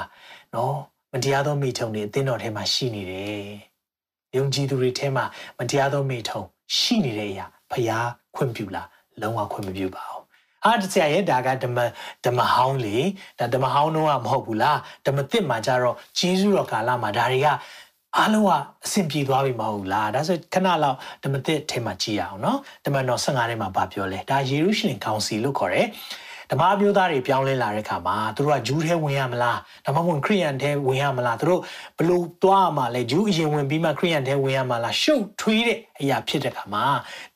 တမန်တော်တွေကစုပြီးတော့ဆုံးဖြတ်ချက်ချတယ်အဲ့ဒီဆုံးဖြတ်ချက်ကဘာလဲဆိုတော့အဲတမန်တော်15ငွေ28မှာရုပ်တုရှေ့မှာပူဇော်သောရစ်ကောင်ကို၎င်းအသွေးကို၎င်းเนาะဒါကြောင့်အသွေးစားလို့ရလားလို့ပြောရင်မရပါဘူး ဓမ္မသစ်ထဲမှာပြောပါတယ်ရုပ်တုရှိမှပူဇော်တဲ့ရစ်ကောင်စားလို့မရဘူးအသွေးကို၎င်းလေဘင်းကိုညှိ၍တတ်သောအရာနော်လေဘင်းညှစ်တတ်ရင်အသွေးမထွက်တဲ့အတွက်ကြောင့်မလို့ယောဂဖြစ်စီနိုင်တယ်ဆိုတာကိုဒါကြောင့်မလို့လေဘင်းညှစ်ပြီးတော့တတ်တဲ့အရာမစားပါနဲ့နောက်ပြီးရင်မတရားသောမိထုံ၄ခုရှိတယ်ရုပ်တုရှိမှပူဇော်သောအရာအသွေးလေဘင်းညှစ်တတ်တဲ့အရာနဲ့မတရားသောမိထုံကိုကျင်ရှောင်ရမည်ဆိုတဲ့ ပြည့်ညက်ကတပါအခြားသောဝင်တင်တို့အပေါ်တော့တင်စေခြင်းကတန့်ရှင်းသောဝိညာဉ်တော်နဲ့ငါတို့ဒီအလုံးမရှိငါတို့ဆိုတာဘာလို့လဲတမန်တော်တွေပေါင်းပြီးတော့ပြောတာထိုအရာများကိုကျင်ရှောင်အပ်ဤကျမ်းမာကြပါစေဟုရေးပေးလိုက်သည်တဲ့နော်ဒါဓမ္မသစ်ထဲမှာပါတာဒါကြောင့်မတရားသောမိထုံတို့ရုပ်တုရှိမှပူဇော်တဲ့အရာစားလို့ရလားအသွေးတွေစားလို့ရလားလုံးဝမရပါဘူးရိုးရရစားတယ်လေဒါရိုးရလေအဲ့ဒါရိုးရလေတမန်ကျမ်းစာမဟုတ် အာမင်ရိုးရာကစားလို့ရတယ်ပြောပေမဲ့တမန်တရားစားလို့မရအောင်ဆိုရင်ဘယ်ဟာကိုလိုက်မှာလဲရိုးရာနောက်လိုက်မလားဒါဆိုသင်ကအပေးယူလောက်တာ compromiser ဖြစ်သွားတယ်ပေးယူလောက်တာဒီနေ့တမန်တရားပေါ်မှာယက်တည်ပါတမန်တရားကမစားပါနဲ့လို့ပြောရင်မစားဖို့ပဲဟုတ်တယ်နော်စားဖူးကြလားစားဖူးလိမ့်မယ်ဒီနေ့ကျွန်တော်ဒီအကြောင်းအရာကိုပြောတဲ့အခါမှာဆူတောင်းရင်းနဲ့ကျွန်တော်အရင်တုန်းကဖျား ဖျားရဲ့နှုတ်ကပတ်တော်မသိတဲ့အခါမှာလုပ်ခဲ့တဲ့အရာလေးတွေပြန်ပေါ်လာတယ်ကျွန်တော်လန်ဒန်မှာဆရာဖြစ်တဲ့တက်တဲ့အခါမှာ IUE ဆိုတာ Institute of Education လို့ခေါ်တယ်အဲ့ဒီမှာကျွန်တော်ဘွဲလွန်တက်တဲ့အခါမှာအဲ့ဒီသမင်းစားချိန်မှာမလုပ်လဲဆိုတော့ဒီဒီသမင်းဒါနပြုတဲ့เนาะတခြားဘာသာခြားသမင်းဒါနပြုတဲ့အဖွဲ့တစ်ဖွဲ့ရှိတယ်เนาะဒီမှာသူတို့လှိမ့်နဲ့လာပြီးတော့ သမင်းရယ်ပဲဟင်းပေါ့တသက်လွတ်တွေကျွေးတယ်ပူပူနွေးနွေးနဲ့အဲ့အချိန်ကျွန်တော်တို့လည်းကြောင်းသားဖြစ်တယ်အာဟိုဘိုက်လဲစားတယ်နော်ငွေကြေးလဲအရန်အဆင်ပြေလာတာမဟုတ်တဲ့ခါမှာအဲ့ဒီနေရာကိုအားလုံးကတန်းစီပြီးတော့စောင့်တယ်ကျွန်တော်လည်းတန်းစီပြီးတော့စောင့်ပြီးတော့အဲ့ဒီအရာကိုစားတယ်အဲ့ဒီအရာစားခြင်းဟာကျွန်တော်မိမိပျောက်ပျောက်ဖြစ်နေပြီဒါပေမဲ့ဒီနှုတ်ကပတ်တော်တွေပြန်ပြီးတော့ကိုယ်တိုင်သင်ရမယ်လို့လေ့လာတဲ့ခါမှာ ဒီအရာတွေကရုပ်တုရှိမှပူဇော်ခဲ့တဲ့အရာတွေဖြစ်နေတယ်ဒါတွေကိုကိုကနှုတ်ကပတ်တော်နဲ့မနားလေခဲ့တဲ့ခါမှာစားမိသွားတယ်ဘုရားရှိမှတောင်းပန်လို့ရလားရပါတယ်ဒီနေ့သင်ရှိမှသင်သင်မသိလို့လုပ်ခဲ့တဲ့အရာတွေရှိပါလိမ့်မယ်တမန်တရားနဲ့ချိန်ထိုးပြီးမပြခဲ့တာကြောင့်မလို့ရှိပါလိမ့်မယ်ဒါတွေကိုလုပ်ခဲ့မိတဲ့အရာစားမိတယ်ဆိုရင်ဘုရားရှိမှတောင်းပန်ဖို့ဖြစ်တယ်အာမင်တေရောတိကိုမှာပြောလဲ ကို့အဖြစ်ရှိသမျှကိုဖော်ပြတောင်းပန်နေဆိုရင်ဘုရားဟာမေတ္တာတရားเนาะသစ္စာတရားဖြောင့်မတ်ခြင်းနဲ့ပြည့်စုံတဲ့ဘုရားဖြစ်တယ်လို့တီယောတိကုမှာပြောတယ်။ဒါကြောင့်မလို့ကျွန်တော်တို့တွေကဘုရားရှိခိုးဝင်ချတောင်းပန်ခြင်းနဲ့လာဖို့ဖြစ်တယ်။အာမင်။ဒါကြောင့်မလို့ကျွန်တော်ဒါလေးကိုခုနဆုတောင်းတဲ့အခါမှာပြန်ပေါ်လာတယ်။เนาะသူတို့အဲ့ဒါအကြောင်းတက်တဲ့အချိန်တိုင်းမှာစားတငင်ချင်းတွေကလည်းလာစားကောင်းတယ်။ထမင်းကလည်းကျွေးလိုက်သေးတယ်။เนาะရှာရှာပပအဲ့အချိန်မှာ ပေါမုတ်ထောပတ်တုတ်တွေပဲရောင်းနေတဲ့အချိန်မှာထမင်းက free ကျွေးတယ်ဆိုတော့เนาะအလူငွေတောင်ထည့်ပေးလိုက်သေးတယ်เนาะကိုကအော်သူတို့မသိလို့လေနော်ဆိုတော့ဒါတွေမြင်တဲ့အခါမှာဖះပြန်ပြောတဲ့အခါမှာဖះရှိမှတောင်းပန်ဝင်ချဖို့အကြောင်းဖြစ်တယ်ဆိုတာကိုသိရတယ်နော်နောက်ပြီးပါပြောထားလဲကျွန်တော်ခါလေးကြရင်ကျွန်တော်တို့ကမတရားသောမိထုံရပြီလားမိဝဲလို့ရလားကျမ်းစာထဲမှာအိဖက်တင်မှာဘယ်လိုပြောလဲအိဖက်ငါအငယ်3မှာဒီလိုပြောတယ်မတရားသောမိထုံ၌မိဝဲသောအာ မိဝဲခြင်းအမျိုးမျိုးသောကိလေသာညင်ညူခြင်းလောဘလူချင်းချင်းအမှုတို့ကိုဗာပြောလဲတန့်ရှင်းသူတို့သည်ရှောင်သင့်သည့်အတိုင်းရှောင်ရမယ်နော်ဘာပြောလဲဒီလားစကားဖြစ်များမဆက်ဆက်ကြနဲ့စကားနဲ့တောင်မပြောနဲ့လူမပြောနဲ့လူချင်းကိုထိလက်ရောက်မပြောပါနဲ့အောင်စကားနဲ့တောင်မှမဆက်ဆံပါနဲ့ အခါလေးကျွန်တော်တို့ကရှာရတာခံပါဇက်ရတာခံပြီးတော့ပြောရတဲ့အရာတွေမရှိတယ်နော်နော်ဒါတွေကိုကျွန်တော်တို့ကမတရားသောမေထုံဖြစ်မှန်းမသိဘူးပြောနေလိုက်တာဒါတွေကိုလေဒါတွေဖျားကြိုက်လားလုံးဝမကြိုက်ဘူးမိတ်ဆွေကျွန်တော်ယုံကြည်ပါတယ်ဒီနေ့မှာဒီအရာတွေပြောတဲ့အခါမှာဖျားရဲ့နှုတ်ကပတ်တော်ဖြစ်တယ်ဆိုတာကိုသိစေချင်တယ်ဒီလိုပြောလို့တင့်ကို condemnation တင့်ကိုအပြစ်တင်ရှုံချဖို့ပြောတာမဟုတ်ဘူးဖခင်ကတင့်ကိုသိချစ်တယ်ဖခင်ကတင့်ကိုအဲ့ဒီဘဝကနေ လွတ်မြောက်စေခြင်းနဲ့ဆိုတာကိုနားလေစေခြင်းနဲ့အဲ့ဒီနှလုံးသားနဲ့နားထောင်တဲ့အခါမှာအနာရှိတယ်ပီရှိတယ်ဆိုရင်ဒီအရာကိုညှစ်တဲ့အချိန်တော့နည်းနည်းနာတတ်တယ်ဒါပေမဲ့သင်ချမ်းမာမှုဖြစ်တယ်ဒါအောင်နားလေစေခြင်းနဲ့ဒါကြောင့်အနာရှိနေတယ်ပီတဲ့နေတယ်ဆိုရင်ဖောက်ပစ်ဖို့ဖြစ်တယ်ဒီနေ့တန်ရှင်သောဝိညာဉ်တော်ဟာကုသပေးတော်သူဖြစ်တယ်။ဖခင်ဟာတမားတော်ဖြစ်တယ်။ဒါကြောင့်သင်ရဲ့အသက်တာမှာလိုအပ်ချက်ရှိတဲ့အရာတွေကိုဖခင်ကကုသပေးလိမ့်မယ်။အာမင်။ယုံကြည်ပါသလား။ယုံကြည်ပါတယ်နော်။အဲကြောင့် ယူရာထဲမှာလည်းဗာပြောလဲဆိုတော့ရှင်ယူရာဩဝါဒစာခန်းကြီး1အငယ်လေးမှာဒီလိုပြောတယ်အဘယ်ကြောင့်နေဟုမူကားငါတို့ဖျားသခင်ဂျေဇုတော်ကိုကိလေသာဤညဉ့်ညူးခြင်းအလုံးငါကြည်အောင်တော့ဂျေဇုတော်ဂျေဇုတော်ပါလာပြီနော်ဖခင်ရဲ့ဂျေဇုတော်ကိုတဲ့ဖခင်ကျွန်တော်တို့ကယ်တင်တဲ့ဂျေဇုတော်လွတ်မြောက်စေတဲ့ဂျေဇုတော်ကိုတဲ့ဘာအတွက်သုံးလိုက်လဲဆိုတော့တဲ့ကိလေသာရဲ့ညဉ့်ညူးခြင်းအလုံးငါမှောက်လန်လက်။အော်ဂျေဇုတော်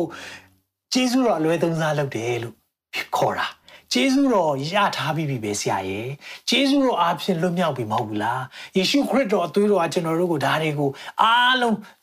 ကာပြီးပြီမဟုတ်ဘူးလားဒါကြောင့်ကျွန်တော်တို့လှုပ်ချင်တာလှုပ်လို့မရ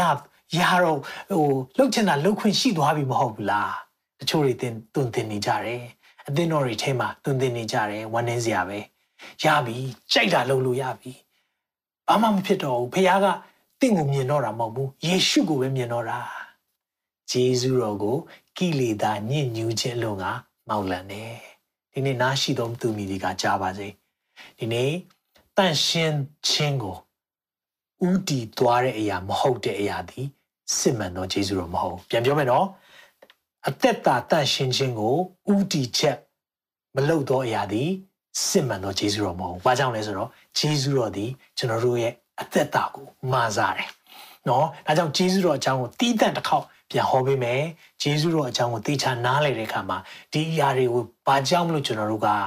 ကြော်လွှားနိုင်တယ်လဲဆိုတဲ့အရာကိုဘုရားဘုရားရဲ့ဝိညာဉ်တော်ကကျွန်တော်တို့ကိုမာစားတာဖြစ်တယ်အာမင်အဲ့မှာဘာပြောလဲဖျားငါတို့ဖျားသခင်ဂျေဇုတော်ကိုကိလေသာဤညစ်ညူးခြင်းအလို့ငါမှောက်လန်လျက်တပါးတီအစိုးရတော်မူသောအရှင်ငါတို့သခင်ယေရှုခရစ်ကိုညှင်းပယ်လျက် အပြစ်ခံစေခြင်းကရှေးကစီရင်မှတ်သားသောအာဓမလူအချို့တို့သည်ပရိယေနှင့်အမှတ်တပဲဝင်ကြပြီအမှတ်တမဲ့လေးပဲဝင်လာတာဒါကြောင့်မလို့နော်ပေတျုထဲမှာဗာပြောလဲဆိုတော့ဟောက်တော်ချင်သေးခဲ့သူအဘယ်သူကိုဝါမျိုးရမလဲဆိုတာကြည်နေတာကျွန်တော်ဒါတွေကိုမြင်တွေ့တဲ့အခါမှာအမှတ်တမဲ့လေးပဲပရိယေနဲ့ဝင်လာတယ်အသင်းတော်ထဲမှာစိတ်ပြီးတော့ဝင်လာတယ်ကျွန်တော်ဒါတွေကိုမသိလိုက်ဘူး မသိလိုက်ဘူးဒါကြောင့်မလို့မြန်မာစကားပုံရှိပါတယ်ဆရာတယောက်ပြောတာမသိမသာဆိုတာမသိတဲ့ချိန်မသာဖြစ်သွားတယ်တဲ့ဆိုတော့မသိမသာလေးတွေဝင်လာတတ်တယ်နောက်ကိုကြည့်တဲ့အခါမှာကျွန်တော်တို့ကဘုရားတန်ရှင်းစေခြင်းလားတန်ရှင်းစေခြင်းလေအသက်တာမှာဒီလိုအပေးယူမလုပ်စေခြင်းလို့ဒီအသင်းတော်တော့ကျွန်တော်တို့ပေရကန်အသင်းတော်ကိုပြောတယ်ဒါကြောင့်ဒီတစ်ခုလေးနဲ့ပြောပြခြင်းတယ်စာတန်ရဲ့အယူဝါဒတွေများတဲ့နေရာမှာအသင်းတော်ရှိလို့ရတယ် ဒါပေမဲ့အသင်းတော်ထဲမှာစာတန်ရဲ့အယူဝါဒတွေရှိလို့မရအောင်ဟာလေလုယာပြန်ပြောမယ်နော်စာတန်ရဲ့အယူဝါဒတွေများတဲ့နေရာမှာတော့အသင်းတော်ရှိလို့ရပေမဲ့အသင်းတော်ထဲမှာစာတန်ရဲ့အယူဝါဒတွေတော့ရှိလို့မရဘူးဒါကိုနားလည်စေချင်တယ်မိတ်ဆွေအပေးယူမလုပ်ပါနဲ့ဖခင်ရဲ့တန်ရှင်တော်ဝိညာဉ်တော်ကကျွန်တော်တို့ကိုစကားပြောနေတယ်ဂျေဇုတော်ဖခင်ရဲ့ဂျေဇုတော်ကိုကိလေသာဆိုကိုယ့်ရဲ့ဆန္ဒကိုယ့်ရဲ့ဖြစ်ချင်တဲ့အရာကိုယ့်ရဲ့ ကိုယ့်ရဲ့ desire အဲ့ဒါတွေကိုညှဉ်းညူးဖို့ရန်အတွက်အလွဲသုံးစားလုပ်တာမျိုးဖေဟာမဖြစ်စေချင်ဘူးအဲ့ဒါအမှတ်တမဲ့နဲ့ဝင်လာတဲ့ခါမှာစာတန်ရဲ့အယူဝါဒတွေဖြစ်တယ်ဒီရဲ့အယူဝါဒတွေများတဲ့နေရာမှာသင်ရှိကောင်းရှိမယ်ဒါပေမဲ့သင်အထဲမှာတော့ရှိလို့မရဘူးအဲဒါကျွန်တော်ကွက်လက်လေးဖြည့်စေချင်တယ်ကွက်လက်နေရာမှာသင်ရှိလို့ရပေမဲ့သင်အထဲမှာကွက်လက်တွေရှိလို့မရဘူးကဲပြောမယ်နော်ဘာပြောမလဲကွက်လက်ဖြည့်လို့ရတယ်ဖြည့်စေချင်တယ်ဥပမာ ဆဲရေးတိုင်းထွာမှုတွေများတဲ့နေရာမှာသင်ရှိလို့ရပြီမဲ့သင်အဲမှာတော့လေဆဲရေးတိုင်းထွာခြင်းတွေရှိလို့မရအောင်ဟာလေလုယာအာမင်နားရှိသောသူသမီးတွေကကြားပါစေမေတ္တာမဲ့တဲ့နေရာမှာသင်ရှိလို့ရနေရပေမဲ့တင့်ထဲမှာတော့မေတ္တာမဲ့မှုတွေရှိလို့မရဘူးဟုတ်တယ်နော်ပတ်ဝန်းကျင်မှာဖျားမဲ့ဝါဒီတွေဖျားမဲ့ဝါဒတွေအုပ်ဆိုးတဲ့နေရာမှာသင်ရှိပေမဲ့တင့်အထဲမှာတော့ဖျားမဲ့ခြင်းဝါဒတွေရှိလို့မရဘူး လောကသားတွေမဟုတ်ဘူး holy people holy ဆိုတာက set apart set apart ဆိုတာကတီးတန့်ဖယ်ထားတာတန်ရှင်းသူလို့ကိုကိုပြောရင်တီးတန့်ဖယ်ထားတာတီးတန့်ဖယ်ထားတာဖခင်တီးတန့်ဖယ်ထားတဲ့လူမျိုးဖြစ်တယ်ဆိုတာကိုသိစေချင်တယ်အဲ့လိုပြောလို့ကိုကိုစူးစမ်းရမလားအဲ့လိုပြောတော့မဟုတ်ဘူးကိုရဲ့ကောင်းမှုကုသိုလ်နဲ့လုံးဝမရနိုင်ဘူးတော့စူးစမ်းကြည့်ပါမရဘူးမရဘူးစူးစမ်းပြီးတော့ရှောင်ကြည့်လုံးဝမရဘူး ဒါပေမဲ့ကိုးစားရင်တော့ရတယ်ဖခင်ကိုကိုးစားပြီးကိုတော့ဒီရတဲ့အသက်တာမှာဒါကြောင့်သင်အပြစ်လုပ်ရင်စိတ်မပျော်ဘူးလေအရင်တော့ပျော်တယ်အေးဆေးပဲဘာမှဖြစ်ဘူးဘယ်သူမှကိုမနှုံးစောဒါပေမဲ့သင်ခရစ်တော်ရတဲ့အချိန်မှာအရင်တော့လိုနေထိုင်ရင်အထက်ကနေမပျော်ဘူးဘာကြောင့်လဲဩဒဘာစိတ်မကြည့်တော့ဘူးအထက်ကတန်ရှင်သောဝိညာဉ်တော်ဟာတန်ရှင်သောဝိညာဉ်တော်ရိုးရိုးဝိညာဉ်မဟုတ်နော်တန်ရှင်သောဝိညာဉ်တော်မပြောတော့ဘူးအဲ့ချိန်မှာတင့်ကိုနှိုးစော်တယ်တင်ခုနားထောင်တဲ့အခါမှာခံစားနေရပြီဘာကြောင့်လဲဘုရားတင့်ကိုသိချစ်တာ အဲကြောင့်ဒီနှုတ်ဘတ်တော်တိုက်ဆိုင်လို့မဟုတ်ဘူးသင်ကြားဖို့ရန်ဖြစ်တယ်အာမင်ဒီနေ့မှာကျွန်တော်တို့ဒီအကြောင်းအရာတွေသိမပြောကြတော့သင်တော်တွေထဲမှာယေရှုခရစ်တော်ရပြီးရင်အကုန်ရပြီးကြိုက်တယ်လို့နေပါအဲ့လိုဟောရဆရာတွေရဲ့ဖောက်ပြန်တဲ့အတန်တွေလည်းကြားနေရတယ်။တော့ဒါမျိုးတွေကြားတဲ့အခါမှာစိတ်မကောင်းဘူး။ဘာကြောင့်လဲ။ကိလေသာရဲ့ညှဉ်းညူးခြင်းအလုံးကမှောက်လန့်ဖြစ်တာ။ဖခင်ရဲ့ဂျေဇုတော်မှောက်လန့်ဖြစ်တာ။မလုပ်ပါနဲ့။ဖခင်သင်ကိုသိချစ်တယ်။ ဒါကြောင့်မလို့ဖခင်သင်ကိုဒီနေ့လွတ်မြောက်စေခြင်းတယ်။ဟာလေလုယာ။စစ်မှန်တဲ့လွတ်မြောက်ခြင်းဖခင်စီမှာပဲရှိတယ်။အဲကြောင့်ဒီနေ့ကွက်လက်ဖြည့်ကြည့်ပါအောင်။ကိုဘယ်နေရာမှာလဲ။အမှောင်ထဲမှာနော်မှောင်မိုက်တဲ့နေရာမှာသင်ရှိလို့ရပါမယ်။သင်ထဲမှာတော့မှောင်မိုက်တဲ့အရာတွေရှိလို့မရဘူးအာမင်။ဘာကြောင့်လဲကျွန်တော်တို့ကိုအလင်းအနေနဲ့ဘုရားခေါ်ထားတယ်။အဲကြောင့်ကျွန်တော်တို့ကလေလောကထဲမှာရှိနေသေးရေးကတော့လောကကိုတော့လုံးဝကြီးဟောလုံးဝကြီးတီးတန့်ကြီး နော်ဟိုလုံးဝမပတ်သက်ဘူးအဲ့လိုလုပ်လို့မရပါမယ်။ဒီခါလေးမှာကိုယ့်ရဲ့အတိုင်းဝိုင်းအလုံငန်းခွင်မှာထားပါတော့လုပ်ငန်းခွင်မှာဖះမဲ့တွေရှိမယ်။ဒါပေမဲ့တင့်ကိုဖះအဲ့ဒီမှာထားတာအလင်းလင်းစေဖို့ဒါပေမဲ့မှောင်တဲ့နေရာမှာရှိပေမဲ့တင့်ထဲမှာမှောင်နေလို့တော့မရဘူး။အာမင်။တင့်အလင်းလင်းပါ။။ဒါကြောင့်ဖခင်ကကျွန်တော်တို့ကိုခေါ်ထားတာအကြောင်းရှိတယ်။ခါလေးကျွန်တော်တို့အားနာတယ်။ဟုတ်လား။အားဒါက office party မလို့ပါ။ဆိုတော့ အားနာတော့เนาะတတိတွေကလည်းเนาะလှုပ်စီခြင်းတဲ့အရာလေးတွေเนาะတိုက်တဲ့အရာလေးတွေတောက်တောက်မတောက်သင့်ဘူးလို့ထင်ထားတဲ့အရာလေးတွေတောင်းမိသွားပြီလား။အင်းဒီအရာတွေကြည့်တဲ့အခါမှာဘာဖြစ်လာလဲဒီလားကျွန်တော်နားလည်ဖို့ကလေကျွန်တော်တို့ဖျားပဲညာထားလဲ။ပေါင်မိုက်ထဲမှာရှိလို့ရပါမယ်။တင့်ထဲမှာတော့မောင်မိုက်ရှိလို့မရအောင်အာမင်ဆယ်ရေးတိုင်းထွာခြင်းတွေနဲ့ဒီနေ့ အဲ့လိုမျိုးနေရာမှာသင်ရှိလို့ရပါမယ်သင်ထဲမှာတော့ဆယ်ရေးတိုင်းထွာခြင်းတွေရှိလို့မရအောင်မယိုးသားမှုတွေရှိတဲ့နေရာမှာသင်ကိုဖျားထားရဲဆိုတာသင်ရှိလို့ရပါမယ်သင်ထဲမှာတော့မယိုးသားမှုတွေစိတ်ဝင်လာစေပါနဲ့အမှတ်တမဲ့ပရိယေနဲ့လာနေကြပြီတဲ့ကျမ်းစာပြောတာ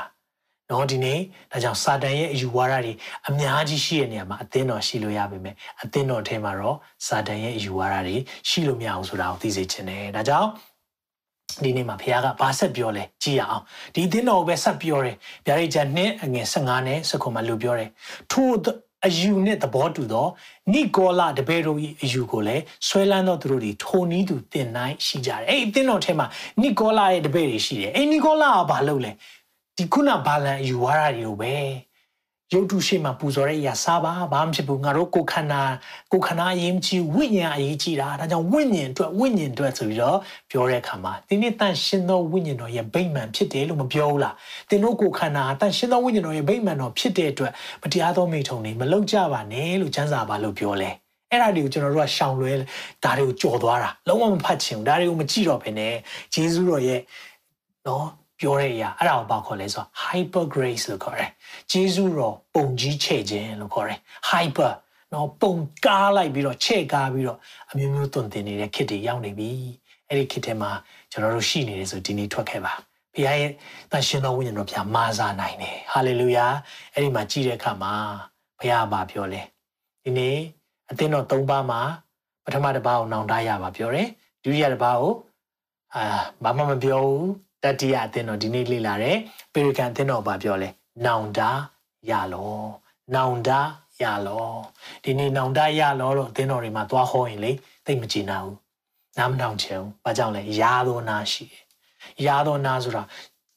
ဒီနေ့ကျမ်းမာချမ်းသာဒေသနာလို့ခေါ်တယ် prosperity gospel လို့ခေါ်တယ်နော်ဒီနေ့ယုံကြည်သူကချမ်းချမ်းသာရမယ်ယုံကြည်သူကကျမ်းမာရမယ်အဲ့လိုပြောတဲ့ဟာတွေအများကြီးကြားလိုက်မယ် အယံခွန်အားရတယ်လေဘာလို့ဆိုတော့အားတက်တယ်လေနော်ယုံကြည်သူတွေအထူးသဖြင့်ကျွန်တော်တို့ဒီပြပရောက်မြန်မာတွေဆိုအယံဟိုဒုက္ခတွေတွေများကြတာ哦ဆိုတော့အဲ့လိုဒုက္ခတွေတွေကဒီလိုစကားတွေကြားလာပြီဆိုအယံခွန်အားတက်တယ်အမေအဲ့ဓာတွေကိုဖះပါပြောလဲနောင်တရပါနောင်တရပါဒီနေ့ဖះကအဲ့ဒီအရာလေးတွေကိုကျွန်တော်တို့ကိုကွက်ကွက်ပြက်ပြလေးဖြစ်စေခြင်းလို့ဒီနှုတ်ပတ်တော်တွေနဲ့ကြိုပြောထားတာ အသင်းတော်တွေကိုကြိုပြောထားတာဘာကြောင့်ဒီအသင်းတော်ခုနှစ်ပါးကိုကျွန်တော်တို့အသင်းတော်ရဲ့စံနှုန်းဖြစ်မတတ်မှတ်တာလဲတော့ကျွန်တော်နားမလည်နိုင်ဘူးဒီနေ့အသင်းတော်ရဲ့စံနှုန်းတတ်မှတ်မယ်ဆိုရင်တော့ဒီအသင်းတော်ခုနှစ်ပါးကိုကြီးလိုက်ရင်သိပြီဒါကြောင့်ဒီနေ့မှာသင်ကိုနားလည်စေခြင်းတယ်ကြီးလိုက်တဲ့အခါမှာနောင်တမရဘူးဆိုရင်တဲ့ဘာလုပ်မလဲဒီနေ့နောင်တရဖို့ကျွန်တော်တို့က compromise ဆိုတဲ့အပေးယူတွေလုပ်လာကြတယ်ဘာအပေးယူလုပ်လဲ moral moral compromise ဆိုတာဇာရိတဆိုင်ရာအပေးယူလုပ်ရင်ဘာဖြစ်လဲ မတရားသောမိထုံမှာမိဝဲလေးရှိတယ်ပြန်ပြောမယ်နော်ဇာရိတပိုင်းဆိုင်ရာမှာအပေးယူလုပ်ပြီးဟိတ်ဆိုရင်မတရားသောမိထုံမှာအမြဲတမ်းပျော်မွေ့တတ်တယ်နောက်တစ်ချက်က religious ဘာသာရေးပိုင်းမှာအပေးယူလုပ်လာပြီဆိုရင်ရုပ်တုရှိမှကိုးကွယ်ထားတဲ့အစားအသောက်တွေလည်းစားလာတယ်ဒါတွေကိုမြင်တွေ့ရတယ်အဲကြောင့်မလို့နောင်တရပါသင်ဘဝမှာဒီလိုကြုံနေတယ်ဆိုရင်နောင်တရပါဘုရားသင်ကိုသိချစ်လို့ဖြစ်တယ်နော်လွတ်မြောက်စေခြင်းလို့ဖြစ်တယ်နော် ဒီနေ့လောကမှာအသက်ရှင်တာတူတောင်းပါတယ်နှစ်90နော်ဒါဘုရားသတ်မှတ်တဲ့အချိန်တချို့ဒီထက်မကနေရတဲ့လူတွေဘုရားကောင်းကြီးရှိတယ်ဒါပေမဲ့အဲ့ဒီအချိန်တွင်းလေးမှာကျွန်တော်တို့ရဲ့သွေးသားဆန္ဒထက်ဘုရားဘာဖြစ်စေခြင်းလဲနောက်ဆုံးသောကာလထဲနောက်ဆုံးသောအပိုင်းကိုရောက်နေပြီတင်းတော်တွေကိုပြုပြင်တဲ့ကာလဖြစ်နေပြီဒီချိန်မှာကျွန်တော်တို့ online မှာပဲတွေ့ခွင့်ရတော့တယ်နောက်မတွေ့ရတော့ဘူးဆိုရင်ရောဒီနေ့သင်စာငတ်လာတယ်နှုတ်ပတ်တော်တွေကိုလေ့လာလာတယ်ဒါဆိုရင်ဒီကိုဒီနေ့မှာဘုရားစကားပြောနေပြီ အပေးယူလှုပ်ခြင်းနေမလုပ်ရတော့ရအောင်ဒီနေ့မှာဘုရားဒါကနေကင်မခြင်းတယ်ဟာလေလုယာဒီနေ့ယုံကြည်ပါတယ်သင်ဒီအရာကိုကြားတဲ့အခါမှာဘုရားကျမကိုပြောနေတာပဲကျွန်တော်ကိုပြောနေတာပဲဒီနေ့သင်ဒီလိုခံယူရဆိုဘုရားသင်ကိုဒီနေ့ကယ်မလိုက်မယ်ဟာလေလုယာနှုတ်ပတ်တော်အမှန်နဲ့တူတယ်ကြည်လိုက်တဲ့အခါမှာကိုယ်ဘာလို့လဲဆိုတဲ့အရာကိုအမြဲတမ်းချိန်ထိုးပေးလိရှိတယ်အာမင်အဲကြောင့်ဆက်ပြီးတော့ကျွန်တော်တို့သွားရအောင်အဲ့မှာကြည်တဲ့အခါမှာ ဖခင်ကလေဒီအရာတွေကိုကြော်လွန်နိုင်တဲ့သူတွေဘာလုပ်မလဲနော်နောင်တမရရင်ရောဘာလုပ်မလဲတခါတည်းပြောတယ်မရရင်သင်ရှိရသောငါဒီအလင်းမြန်လာမယ်အဲ့ဒါ rapture လည်းမဟုတ်ဘူး second coming မဟုတ်ဘူးသင်ရှိရသောငါလာမယ်လို့ပြောတာကစီရင်ဖို့ဖြစ်တယ်စီရင်ပါနော်ဘာလဲဆိုတော့ဖခင်ကကျွန်တော်တို့ကိုအမြဲတမ်းအခွင့်အရေးပေးလို့ရှိတယ်နောင်တရပါဆိုတာကိုယ့်ဘက်ကနေကိုယ့်ဟာကိုယ်ပြုပြင်ပါမဟုတ်ဘူးဆိုရင်တော့ငါကိုယ်တိုင်လာပြင်မယ်အဲ့လိုပြောတာကိုယ်တိုင်ပြင်မလား ကိုရောလာပြင်ပေးရမလားအာမင်ဒီနေ့ဖခင်စကားပြောနေတယ်နော်ကိုယ်တိုင်ပြင်မလားကိုရောလာပြင်ပေးရမလားဒီနေ့ကိုရောလာပြင်မယ်ဆိုရင်ပါလေထိုသူတို့ကိုတဲ့အဲ့ဒီလိုမျိုးအသင်းတော်ထဲမှာရှိတဲ့သူတွေကိုငါခတွင်းဤတန်လျက်နဲ့စစ်တိုက်မယ်တဲ့ဖះနဲ့တော့စစ်မတိုက်ချင်ပါနဲ့ငါခတွင်းရဲ့တန်လျက်ဆိုပါလေနှုတ်ကပတ်တော်ဒီနေ့ဖះရဲ့စီရင်ခြင်းကိုပုံဆောင်တယ်ဖះကဘာပြောလဲဆိုတော့ပြင်ပြင်ပါမပြင်ကိုတော့ပြင်ပေးမယ်အဲ့ဒါဆိုနာတတ်တယ် ဖះခေါ်ရင်နာတတ်တယ်နော်ဒီနေ့ဒီနောင်တဆိုတာပါလေနောင်တဆိုတဲ့အရာကျွန်တော်နားလည်ဖို့ကလေအဲ့နောင်တကလေသိရကြီးတယ်ကျွန်တော်လူကာ15ထဲမှာပျောက်သောသားကိုဥပမာပေးထားတယ်ဖះသိချစ်တာကျွန်တော်အားလုံးကိုသိချစ်တာဒါပေမဲ့အိမ်ကထွက်သွားတဲ့သူတွေကိုဖះလိုက်မခေါ်ဘူးပြန်ပြောမယ်နော်အိမ်ကထွက်သွားတဲ့သားကိုလေအဖေကလိုက်မရှာအောင်ဒါပေမဲ့အိမ်ကနေမျောနေတယ်တရက်ပြန်လာတော့မလား အမြဲတမ်းမျောနေတဲ့ခါမှာအဲ့ဒီနောင်တရခြင်းဆိုတာပြောပြမယ်ဒီပျောက်တော်သားဆိုတာ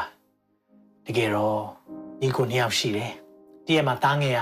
ကျွန်တော်ရဲ့ပိုင်ဆိုင်မှုအားလုံးပေးပါကျွန်တော်အမွေအားလုံးပေးပါဆိုတော့သူ့အမွေအားလုံးကိုပေးလိုက်တယ်အဲ့မှာသူကပြတ်တောက်စားပျော်မွေးပြီးတော့အိမ်ကထွက်သွားတယ်ပျော်မွေးပြီးတော့သူ့ပတ်စံတွေအကုန်လုံးတကယ်ချင်းပေါင်းတဲ့နေနဲ့သုံးပလိုက်တယ်သုံးပြီးတော့နောက်ဆုံးစားစရာမရှိတဲ့အခါမှာ ဝက်ကြောင်းနေရင်နဲ့အဲ့ဒီဝက်စာတောင်မှစားခြင်းစိတ်ဖြစ်လာတဲ့အခါမှာပါစဉ်းစားမိသွားလဲဆိုတော့ငါအဖေအိမ်မှာအစီကံကျွန်းတွေကဒီထက်တာတယ်အဲ့ဒါကိုသတိရတဲ့အခါမှာဘာပဲဖြစ်ဖြစ်ငါအိမ်ပြန်မယ်ကွာအိမ်ပြန်ပြီးရင်အိမ်မှာတားအရာမရရင်တောင်မှကျွန်နေရာမှာခန့်ထားပြီးပါဆိုတဲ့စိတ်နဲ့ပြန်လာမယ်အဲ့မှကြည့်လိုက်နော်နောင်တရစိတ်ဆိုတာအဲ့ဒါတားဖြစ်ပေမဲ့ တားအရာနဲ့မထိုက်တန်ပါဘူးကျွန်တော်ရဲ့အပြစ်အတွက်ကျွန်အရာနဲ့လက်ခံပေးရင်တောင်မှဂျင်းတ်ပါတယ်ဆိုတဲ့စိတ်အဲ့ဒီစိတ်နဲ့သူပြန်လာတာဘလောက်သူ့မာနချရမယ်တင်လဲသူ့ရဲ့နော်ဒါကြောင့်လို့လေစစ်မှန်တဲ့မာနစစ်မှန်တဲ့နောင်တကလေမာနအကုန်ချရတယ်မာနအကုန်ချရတယ်ဒီနေ့ကျွန်တော်တို့ကတစ်ခါလေကြာရင်နောင်တရတယ်ထင်တာတောင်းပန်နေထင်တာမျက်ရည်ကျတာတောင်းပန်တာမဟုတ်ဘူးနော်မျက်ရည်ခံထိုးတာလည်းဖြစ်တတ်တယ်နေတောင်းပန်ခြင်းဆိုတာလေကျွန်တော်မားပါတယ် ကျမမားပါတယ်အဲ့လိုမျိုးပါဇက်ကနေပြောရတာဒီနေ့ပျောက်တော့သားကြည့်တဲ့အခါမှာအဖေသားရနဲ့မထိုက်တန်ဘူးကြွန်ရဖြစ်အောင်မှရတယ်ဆိုတဲ့စိတ်အဲ့ဒါကိုပြောတာဖះအဲ့လိုလာတဲ့လူအလုံးလက်ခံနေဒါပေမဲ့ကြွန်နေရမှာမထားဘူးသားရပြန်ပေးတယ်ဝစ်လုံပြန်ဝစ်ပေးတယ်ဖြောင်းမှချင်းဝစ်လုံပြန်ဝစ်ပေးတယ်လက်စွပ်ပြန်စွပ်ပေးတယ်ဘာလဲ authority အရင်တော့ဆိုရင် seal တွေမှာလောက်တယ်ဆိုရင်เนาะဒီနေ့စာအိတ်တွေမှာဒီအာဖျောင်း နော်တစိတ်ခတ်တယ်ဆိုရင်လက်စွပ်နဲ့လှုပ်တာအခွင့်အာဏာပြန်ပေးတာခြေနဲ့အဲ့တော့ကျွန်နေကခြေနဲ့မနေဘူးဖဏမစီရအောင်သခင်နေပဲဖဏစီခွင့်ရှိတာပြန်ပေးတယ်။ဘာကြောင့်လဲစစ်မှန်သောနောင်တမှာစစ်မှန်သော လွမြောက်ခြင်းရှိတယ်။ဟာလေလုယာရေးလိုက်ပါအောင်စစ်မှန်သောနောင်တမှာစစ်မှန်သောလွမြောက်ခြင်းရှိတယ်။မိတ်ဆွေဖခင်အသင်ကိုသိချစ်တာ။ဒါကြောင့်နောင်တရပါလို့ပြောတဲ့အခါမှာအိမ်ပြန်လာပါလို့ပြောလိုက်တာ။သင်အိမ်ကနေထွက်သွားတယ်။အရင်တော့ကတော့ဖခင်နဲ့နီးကပ်တဲ့အချိန်မှာဒီအရာတွေကိုမစိုးရင်ခဲ့ဘူး။ဒါပေမဲ့လောကမှာပျော်ပွားတယ်။လောကထဲမှာရောက်တဲ့အခါမှာလောကီဆန်လာတယ်။အဲကြောင့်ပြောတာလောကထဲမှာနေလို့ရပြီမဲ့လောကကိုယ်ထဲနေလို့မရဘူး။ အာမင်လောကထဲမှာကိုရှိပေမဲ့ကိုယ်ထဲမှာလောကရှိလို့မရဘူးဒါတွေကိုကျွန်တော်တို့ကနားလေတဲ့အခါမှာအော်ငါအသက်ရှင်ခြင်းနေမှာသွားပြီပဲဒီနေ့ငါအဖေအဖေအိမ်ကိုပြန်မယ်အဲ့ဒီပြန်လာတဲ့သူတွေကိုဖျားလိုချင်တယ်အဲ့ဒီပြန်လာတဲ့သူတွေအတွက်လည်းဖျားဂတိရှိတယ်သိလားဘာပေးမလဲသိလားဂတိပေးထားတယ် ဘာပေးမလဲဆိုတော့ဝိညာဉ်တော်ဒီအသင်းတော်တို့အားအဘယ်တော့မိန့်တော်မူသည်ကိုနားရှိတော်သူမိဒီကကြားပါစေဒီနေ့လူတိုင်းကိုပြောနေတာအဲ့ဒီပေရဂန်အသင်းတော်ပဲပြောနေတာမဟုတ်အဲ့ဒီတော့ကတော့အဲ့ဒီအသင်းတော်ကိုပြောတယ်လို့မြင်ပေမဲ့ဒီနေ့ခေတ်မှာဘလောက်တောင်မှတိုက်ဆိုင်လဲဒီနေ့ခေတ်အတွက်ဆိုဘလောက်တောင်မှကျွန်တော်တို့ကိုပြောနေလဲမြင်ကြည့်လိုက်ပါ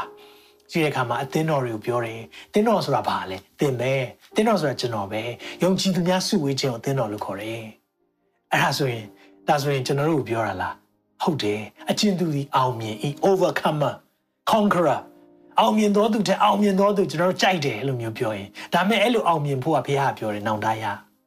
အကိမအောင်မြင်သေးဘူးနောင်တရပြန်လာခဲ့ပြန်လာခဲ့ဘုရားရှိမှပြန်လာခဲ့ပြန်ပြီးတော့တောင်းပန်ဝင်ချဘုရားကခွင့်လွှတ်တယ်ဒါပေမဲ့အိမ်အိမ်လာတဲ့အထိဘုရားမျှော်နေတယ်နော်အဲ့ချိန်မှာထွက်ပြီးတော့ပြေးပြီးကြိုဆိုတယ်လူကာ15ထဲမှာကျွန်တော်ဒီအကြောင်းရောင်ငယ်ကလေးကသိလိမ့်မယ်ဒါပေမဲ့ဒီနေ့ဘုရားကလေသင်ကိုဒီနေ့ တင့်ကိုပြောနေတယ်ပျောက်သောသားဟာကျွန်တော်ပါလားပျောက်သောသားဟာကျမပါလားဒီနေ့မှာဘုရားစကားပြောတယ်ဝတ်ထားသောမာနာတဲ့သုံးခုဂတိပေးတယ်ဒီနေ့နောင်တရပြီးတော့ဘုရားထံပြန်လာမယ်တနည်းအားဖြင့်မတရားသောမိထုံတဲ့ရုပ်ထုရှိမှာအစားတော့ဘာလန်လန်းစင်နေနော်ဘာဘာလန်ရဲ့အကြံပေးတဲ့အယူဝါဒတွေဒါမှမဟုတ်နီကိုလာရဲ့အယူဝါဒတွေကိုစွန့်ပယ်ပြီးတော့ဖះစီမှာလာမယ်ဆိုရင်အဲ့ဒီလူတွေကိုဖះကပြောလဲ ဝတ်ထားသောမာနအောင်ပြီးမယ်ပြီးရင်ကြောက်ဖြူလက်ဖွဲ့နဲ့ဘာပေးမလဲဆိုတော့ထိုကြောက်ပုံမှာအခရာတင်သောနာမသစ်ကိုလည်းပေးမယ်သုံးခုနော်သုံးခုနော်အဲ့ဒီမှာကျွန်တော်နှစ်ခုတော့ပြောပြလို့ရတယ်နောက်ဆုံးတစ်ခုတော့ပြောပြလို့မရအောင်ဘာကြောင့်လဲဆိုတော့နာမသစ်ဆိုတာကတဲ့ထိုကြောက်ကိုရသောသူမှာတပါအဘယ်သူမြထိုနာမကိုမသိနိုင်ရတဲ့เนาะဆရာအဲ့ဒီထိုနာမဘာလဲမသိဘူးဘာကြောင့်လဲသင်ရမှသင်ပဲသိလိမ့်မယ် နောက်တခြားလူမသိဘူးတဲ့အမှပြောထားတယ်။အဲကြောင့်ဖျားဝက်ထားတဲ့အရာရှိတယ်။တင်ကိုယ်တိုင်သိရမယ့်အရာ။နော်ဒါဆိုကျွန်တော်ကခက်မှန်းပြောတာပဲဖြစ်လိမ့်မယ်။ခက်မှန်းပြောလိုက်ရင်တစ်ချိန်တစ်ချိန်ကျတော့အိတ်ကြောက်ရတဲ့ကဟမ်ဆရာဒေးဗစ်ကင်ပြောတာလည်းမမှန်ပါလား။မဟုတ်ဘူးဒီနေ့ဖျားပါပြောလဲ။ထိုကြောက်ကိုရတော့သူမှတပါအဖေသူများထိုနာမကိုမသိဘူးတဲ့။ဒါမဲ့အဲ့ဒီထဲမှာဝတ်ထားသောမာနကိုရင်ပြောပြခြင်းတယ်။အဲ့ဝတ်ထားသောမာနကပါလေ။သခင်ယေရှုကိုပုံဆောင်တယ်။ ဝတ်ထားသောမာနဆိုတာဒီနေ့ဘာကိုပြောတာလဲအသက်မုတ်အဲတုန်းကကောင်းကင်ကမုတ်ကြတယ်နော်အေဒီလာလူမျိုးတွေကိုနှစ်ပေါင်း40ကျွေးမွေးတာအသက်မုတ်မရှင်ယောဟန်ခန်းကြီးချောင်းရဲ့48မှာဘယ်လိုပြောလဲငါသည်အသက်မုတ်ဖြစ်၏ယေရှုကပြောတာနော်ငါအသက်မုံဖြစ်တယ် I am the bread of life အသက်မုံဖြစ်တယ်သင်တို့ဘိုးဘေးများသည်ဆိုတာနှစ်ပေါင်း40တောမှာ သွားတဲ့အချိန်ကအေဒီလာလူမျိုးတွေပုံဆောင်တယ်တော၌မာနကိုစား၍တေးရတယ်မာနနော်မာနမုံကိုစားပြီးတော့တေးရကောင်းကင်ကနေအဲ့ဒီအချိန်မှာမုံကြတာကောင်းကင်ကနေကြတဲ့အခါမှာမနေ့တိုင်းမှာသူတို့ကောက်ရတယ်နော်ကောက်ပြီးတော့မှအဲ့ဒီအရာကိုစားကြတာအဲ့ဒီဟာကိုစားပြီးတော့တောမှာတေးတဲ့လူတွေရှိတယ် အမှ90မှာပြောလဲကောင်းကင်မှာဆင်းသက်သောမုံကိုစားတော့သူဒီတေခြင်းနဲ့กินလို့ဤကောင်းကင်ကကြားတဲ့မုံလို့ပြောတာဘာလို့လဲသခင်ယေရှုကိုပြောတာဒါကြောင့်ခုနကျွန်တော်ပြောတာအစပိုင်းမှာကျွန်တော်တို့ပွဲတော်မင်္ဂလာခံယူဖို့ဖြစ်တယ်။ဘာကြောင့်လဲကောင်းကင်မှာဆင်းသက်တဲ့မုံကိုကျွန်တော်တို့စားခွင့်ရတာတနည်းအားဖြင့်သခင်ယေရှုကိုအသွေးနဲ့အသားဟာကျွန်တော်တို့နဲ့တလုံးတဝတည်းဖြစ်တယ်ဆိုတဲ့အရာကိုကျွန်တော်တို့ဒီကျင့်ပါတာဖြစ်တယ်။ ဒီမှာကြည့်တဲ့အခါမှာငါဒီကောင်းကင်မှာဆင်းသက်တော့အသက်မုံချိန်လုံးပြောတယ်နော်အဲ့ဒီကျမ်းပိုက်မှာတဲ့အသက်မုံပြောတယ်ကောင်းကင်ကဆင်းသက်တော်မုံပြီးတော့ငါဒီကောင်းကင်ကဆင်းသက်တော်အသက်မုံတေချာရှင်းပြပါတယ်ဒီမုံကိုစားတော်သူမိဒီကအစင်မပြတ်အသက်ရှင်လိမ့်မည်ဘာကိုပြောတာလဲအစင်မပြတ်အသက်ရှင်တာဒီနေ့သာဝရအသက်ရတာသခင်ယေရှုရဲ့အသွေးတော်သခင်ယေရှုရဲ့အသားတော်နဲ့သင်ဟာဆက်ဆက်သွားပြီဆိုရင်သင်အသက်ရှင်ခြင်းအစင်မပြတ်အ သက်ရှင်ခြင်းရလိမ့်မယ်ငါပေးသောမုံကလောကီသားတော့အဲ့ဒါဆိုအဲ့မုံကပါလေငါပေးသောမုံကလောကီသားတို့ရဲ့အသက်ဖို့လုံငါစွန့်တော့ငါဤအသာပေသည်ဟာလေလုယာဒီနေ့ဒါကြောင့်ကျွန်တော်တို့ဒီဖခင်ရဲ့အသားတော်ကိုစားခွင့်ရတယ်ဆိုတာကြီးမားတဲ့မဟာအခွင့်အရေးဖြစ်တယ်အဲ့ဒီဂျေဇုတော်ကိုသင်မောက်လံဖို့မကြိုးစားပါနဲ့ဖခင်မကြိုက်ဘူး ဒီနေ့ဖခင်ကတန်ရှင်းတော်သူဖြစ်သင်ကိုတတ်မှတ်ထားတာဒီတန်ဖေထားပြီးပြီဒါကြောင့်မလို့ခန္ဓာစိတ်ဝိညာဉ်သုံးပါးဖခင်စီမှာအမြဲအနံဖို့လိုတယ်ကိုယ့်ရဲ့အသက်တာကို abuse လုပ်ဖို့မဟုတ်ဘူးတင်းရဲ့ကိုယ်ခန္ဓာတင်းရဲ့စိတ်ဆန္ဒတွေကိုအလိုလိုက်ဖို့မဟုတ်ဘူးစိတ်အလိုလိုက်တိုင်းသာကျွန်တော်တို့လုပ်မယ်ဆိုရင်လောကမှာလှုပ်ရှားတွေအများကြီးရှိမှာပေါ့ဒီချမ်းသာကျွန်တော်တို့ဘာကြောင့်ဆုံးမစရာလိုတော့မှလဲစိတ်တူတိုင်းလူတွေကိုဆွဲထိုးမယ်စိတ်တူတိုင်းကျွန်တော်တို့လူတွေကိုတတ်မယ်ဆိုရင် လောကကြီးမှာသက်ရှိတဲ့လူတော်ရှိတော့မှာမဟုတ်ဘူးအဲကြောင့်ကာမဂုဏ်ချုပ်တီးခြင်းဆိုတဲ့အရာဝိညာဉ်အသီးထဲမှာဖခင်ထည့်ထားပေးတာဖြစ်တယ်ကာမဂုဏ်ချုပ်တီးတယ်ဆိုတာ self control ကိုကိုကိုထိန်းချုပ်နိုင်ခြင်းဖြစ်တယ်မကြည့်တဲ့အရာတွေ online မှာကြည့်တယ်နော်လူငယ်တယောက်ကျွန်တော်ကိုဆက်သွယ်လာတယ်ဆရာကျွန်တော်သက်တာမှာညဉ့်ညမ်းနေအရင်တော့ဖះကျွန်တော်ရမ်းသုံးပြတယ်ဖုန်းထဲကဆူတောင်းပြီးအနာငြိမ်းခြင်းတွေခံစားကြတယ်ဒါပေမဲ့ကျွန်တော်ညဉ့်ညမ်းရုပ်ရှင်တွေကျွန်တော်ကြည့်မိတယ် အိမ်နောက်ပိုင်းမှာကျွန်တော်ဘဝမှာ confidence လည်းမရှိတော့ဘူးစိတ်ချမှုလည်းမရှိတော့ကိုကိုကိုစိတ်ချမှုမရှိတော့စာတန်လည်းတစ်ချိန်လုံးကျွန်တော်ကိုထိုးနေတယ်မင်းကိုမင်းတော့မတန်ရှင်းတာများသူများအောင်တန်ရှင်းဖို့များလုပ်နေသေးလားစုတွေများတောင်းပေးနေသေးလားသူဘဝမှာစာတန်ကကျွန်တော်တို့ကိုပရိယေနဲ့ဝင်လာတာဒီဒီအရာတွေမတန်ရှင်းခြင်းတွေဘုရားရှိမှပဲယူလာပါသင်ရဲ့အရာအားလုံးဘုရားသိတယ် သိတယ်မြင်တယ်အားလုံးမြင်တယ်သင်သိဖို့လိုတာဖုံးကွယ်မထားပါနဲ့ဝင်လေးလားပင်ပန်းလားငါထန်လားတဲ့လူသားလာပါပြဿနာတော့ခေါ်မလာနဲ့ဆိုတာလူတွေကပြောတာဒါပေမဲ့ဘုရားကတော့လေလူရောပြဿနာကိုလာခဲ့အားလုံးလာခဲ့ဘုရားရှိမှချထားလို့ရတယ်ဘုရားထမ်းခိုင်းတဲ့ဝင်ကိုထမ်းရအောင်ငါဝင်ဟာပေါ့တယ်ဖခင်ကသူ့ရဲ့ဝင်ပေါ့ကြောင်ပြောတယ်အဲကြောင့်ကျွန်တော်တို့ကိုသူ့ရဲ့မာနမုံလို့ပြောတဲ့အခါမှာ ဝတ်ထားသောမာနဆိုတာသခင်ယေရှုကိုပုံဆောင်တယ်သခင်ယေရှုကိုသင်နဲ့ကျွန်တော်ရပြီဟာလေလုယာကြီးမြတ်တဲ့ဘုရားရှင်နာမတော်တာဟိဘုံကြီးပါစေအဲ့မှာကြီးတဲ့အခါမှာဒါဆိုရင်ကြောက်ဖြူလက်ဖွဲ့ဆိုတာပါလေကျွန်တော်တို့တွေအတိအကျတော့ဒီအရာကိုအာပြောနိုင်တာတော့မဟုတ်ပေမဲ့အဓိပ္ပာယ်ဖွင့်ဆိုချက်နဲ့ဒီကျန်တဲ့ပုဂ္ဂိုလ်ရဲ့ပြောချချက်၃ခုလောက်ရှိတယ်အဲ့ဒီကဘာတွေလဲဆိုတော့ကျွန်တော်ပြောပြမယ် အရင်တုန်းကအားကစားပြိုင်ပွဲတွေလုပ်တယ်ရောမခေတ်တွေမှာလုပ်တယ်နော် Greek ဒီခေတ်တွေမှာလုပ်တယ်ဆိုရင်ဘာလုပ်လို့ရှိလဲဆိုတော့အောင်နိုင်တဲ့သူကိုကြောက်ဖြူလေးလက်ဆောင်ပေးတယ်အဲ့ဒါကဘာလဲဆိုရင်ဒီရောမဘရင်နေဒီလိုစားပွဲတောက်ပွဲတကယ် VIP တွေပါဝင်ခွင့်ရတဲ့နေရာမှာတင်ဝင်ခွင့်ရတဲ့ လက်မှတ်ဖြစ်တယ်အခုချိန်မှာဖိတ်စာပေးတယ်လို့ပဲအရင်တုန်းကကြောက်ဖြူပေးတယ်ဒါပေမဲ့အောင်နိုင်သူ အောင်မြင်သူတွေကိုပဲပေးတယ်ကြော်ကြားပြီးတော့အားကစားပိုင်းမှာပန်းဝင်တဲ့သူတွေကိုပဲပေးလို့ရှိတယ်။တနည်းအားဖြင့်ဘာကိုပြောတာလဲ။တင်းရဲ့ယုံကြည်ခြင်းခီးလမ်းမှာတင်ပန်းဝင်နေဆိုရင်တော့ဘုရားကတိုးတငယ်မင်္ဂလာဆောင်ပွဲမှာဝင်ခွင့်ပေးမယ်။စဉ်းစားကြည့်အောင်ပေရကန်အသင်းတော်တွေဘလောက်ခွန်အားဖြစ်မလဲ။သူတို့အနေနဲ့ဖယ်ကျင်ခံရတာ။သူတို့အနေနဲ့လောကနဲ့လုံးဝကို သူတို့သူတို့ကစန့်ကျင်ဘက်ဖြစ်နေတဲ့ခါမှာယောမတွေရဲ့စီဝေးတွေပွဲလန်းသဖြင့်နေမှာသူတို့ဝင်ခွင့်မရှိဘူးအဲ့ချိန်မှာဖခင်ကတော့ငါဖိတ်စာပေးမယ်နော်ဒီနေ့ဒီနေ့အဲ့ဒီဖိတ်စာလေးတင့်ကိုလည်းပေးနေတာ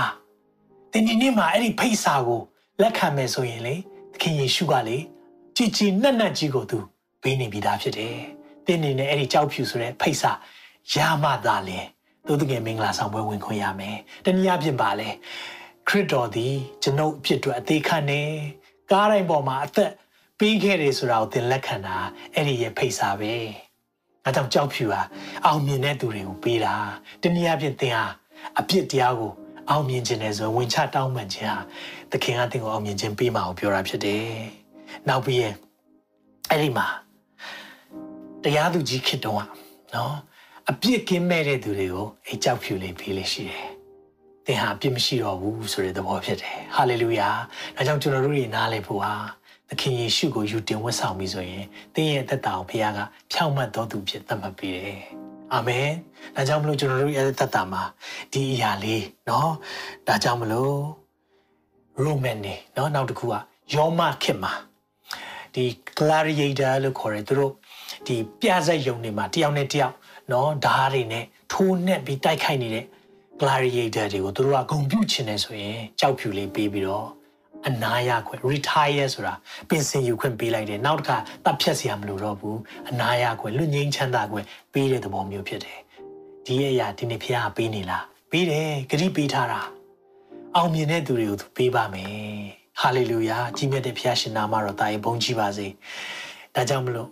ဖခင်ပေးမဲ့အရာသုံးခုလေးကို ဒီနေ့မှာပြန်ဖတ်ပေးမယ်။ဝတ်ထားသောမာနတနည်းအားဖြင့်သခင်ယေရှုခရစ်တော်ရဲ့ကိုပုံဆောင်တဲ့အသွေးအသားတော်ပုံဆောင်တဲ့သခင်ယေရှုကိုယ်တိုင်ကိုပုံဆောင်တဲ့ကောင်းကင်အသက်မုံကိုသင်ကိုပေးခြင်းနဲ့ကြောက်ဖြူလက်ဖွဲ့ဖခင်ရဲ့ခွင့်လွှတ်ခြင်းဖခင်ရဲ့အိမ်တော်ထဲလာဖို့ဖိတ်စာဒီနေ့မှာအဲ့ဒါပေးခြင်းနဲ့အဲ့ဒီကြောက်ဖြူပေါ်မှာတဲ့နာမည်သစ်ရေးမယ်တဲ့အဲ့ဒီသူကိုပေးမယ်တဲ့အဲ့ဒီနာမည်သစ်လို့ပြောတဲ့ခါမှာတဲ့ထိုကြောက်ကိုရတော့သူမှ တပါထူနာမအောင်မသိဘူးတဲ့နော်ဆိုတော့အဲ့ဒါဘာလဲဆိုတာတော့ကျွန်တော်မသိဘူးသိလည်းမသိချင်ပါနဲ့ဖခင်ကတနေ့မှသင်ကိုသိခွင့်ပေးလိုက်မယ်သင်မဲသိလိုက်မယ် maybe အဲ့နာမက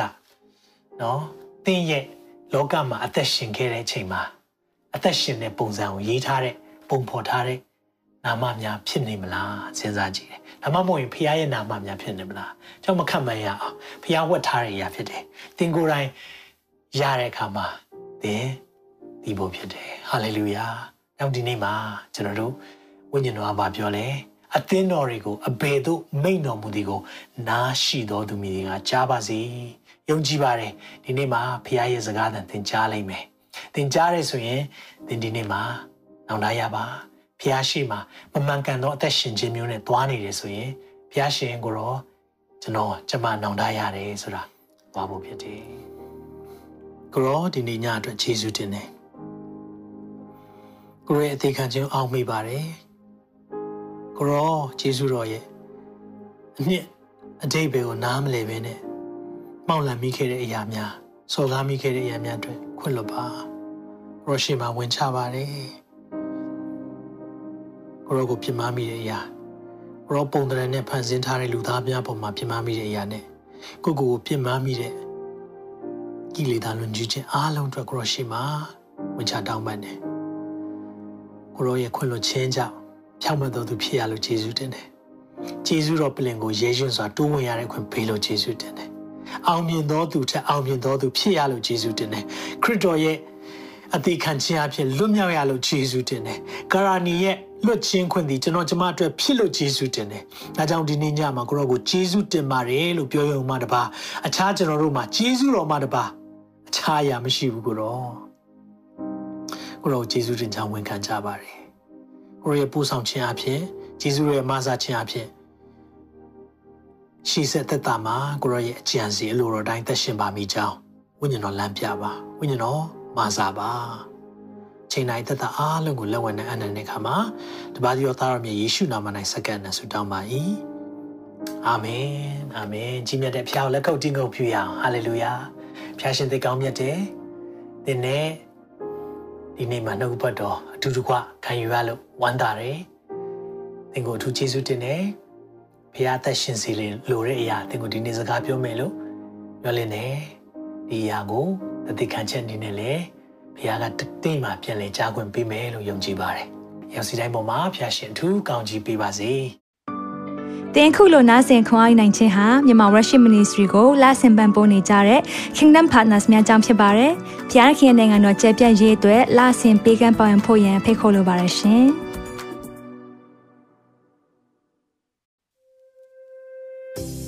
။အခုကြားနာခဲ့ရတဲ့နှုတ်ပတ်တော်အဖြစ်ခွန်အားရရှိမဲ့လို့ယုံကြည်မျှော်လင့်ပါတယ်။ခွန်အားရဆိုလို့ရှိရင်ဒီတစ်ပတ်နဲ့ပြန်လည်ဝင်မြပေးဖို့ရန်တောင်းဆိုပါရစေ။ မြန်မာ Worship Ministry ရဲ့ website myanmarworship.com ကိုလည်းလာရောက်လေ့လာဖို့ရန်တက်ဖိတ်ခေါ်ချင်ပါတယ်။တချိန်ထဲမှာမြန်မာ Worship Ministry ရဲ့ social media platform များဖြစ်တဲ့မြန်မာ Worship YouTube Channel, မြန်မာ Worship Facebook page နဲ့မြန်မာ Worship Instagram များကိုလည်းလာရောက်လေ့လာဖို့ရန်အတွက်ဖိတ်ခေါ်ချင်ပါတယ်။နောက်တစ်ချိန်မှာပြန်လည်ဆုံတွေ့ကြပါစို့။ဖျားရှင်ကောင်းကြီးပေးပါစေ။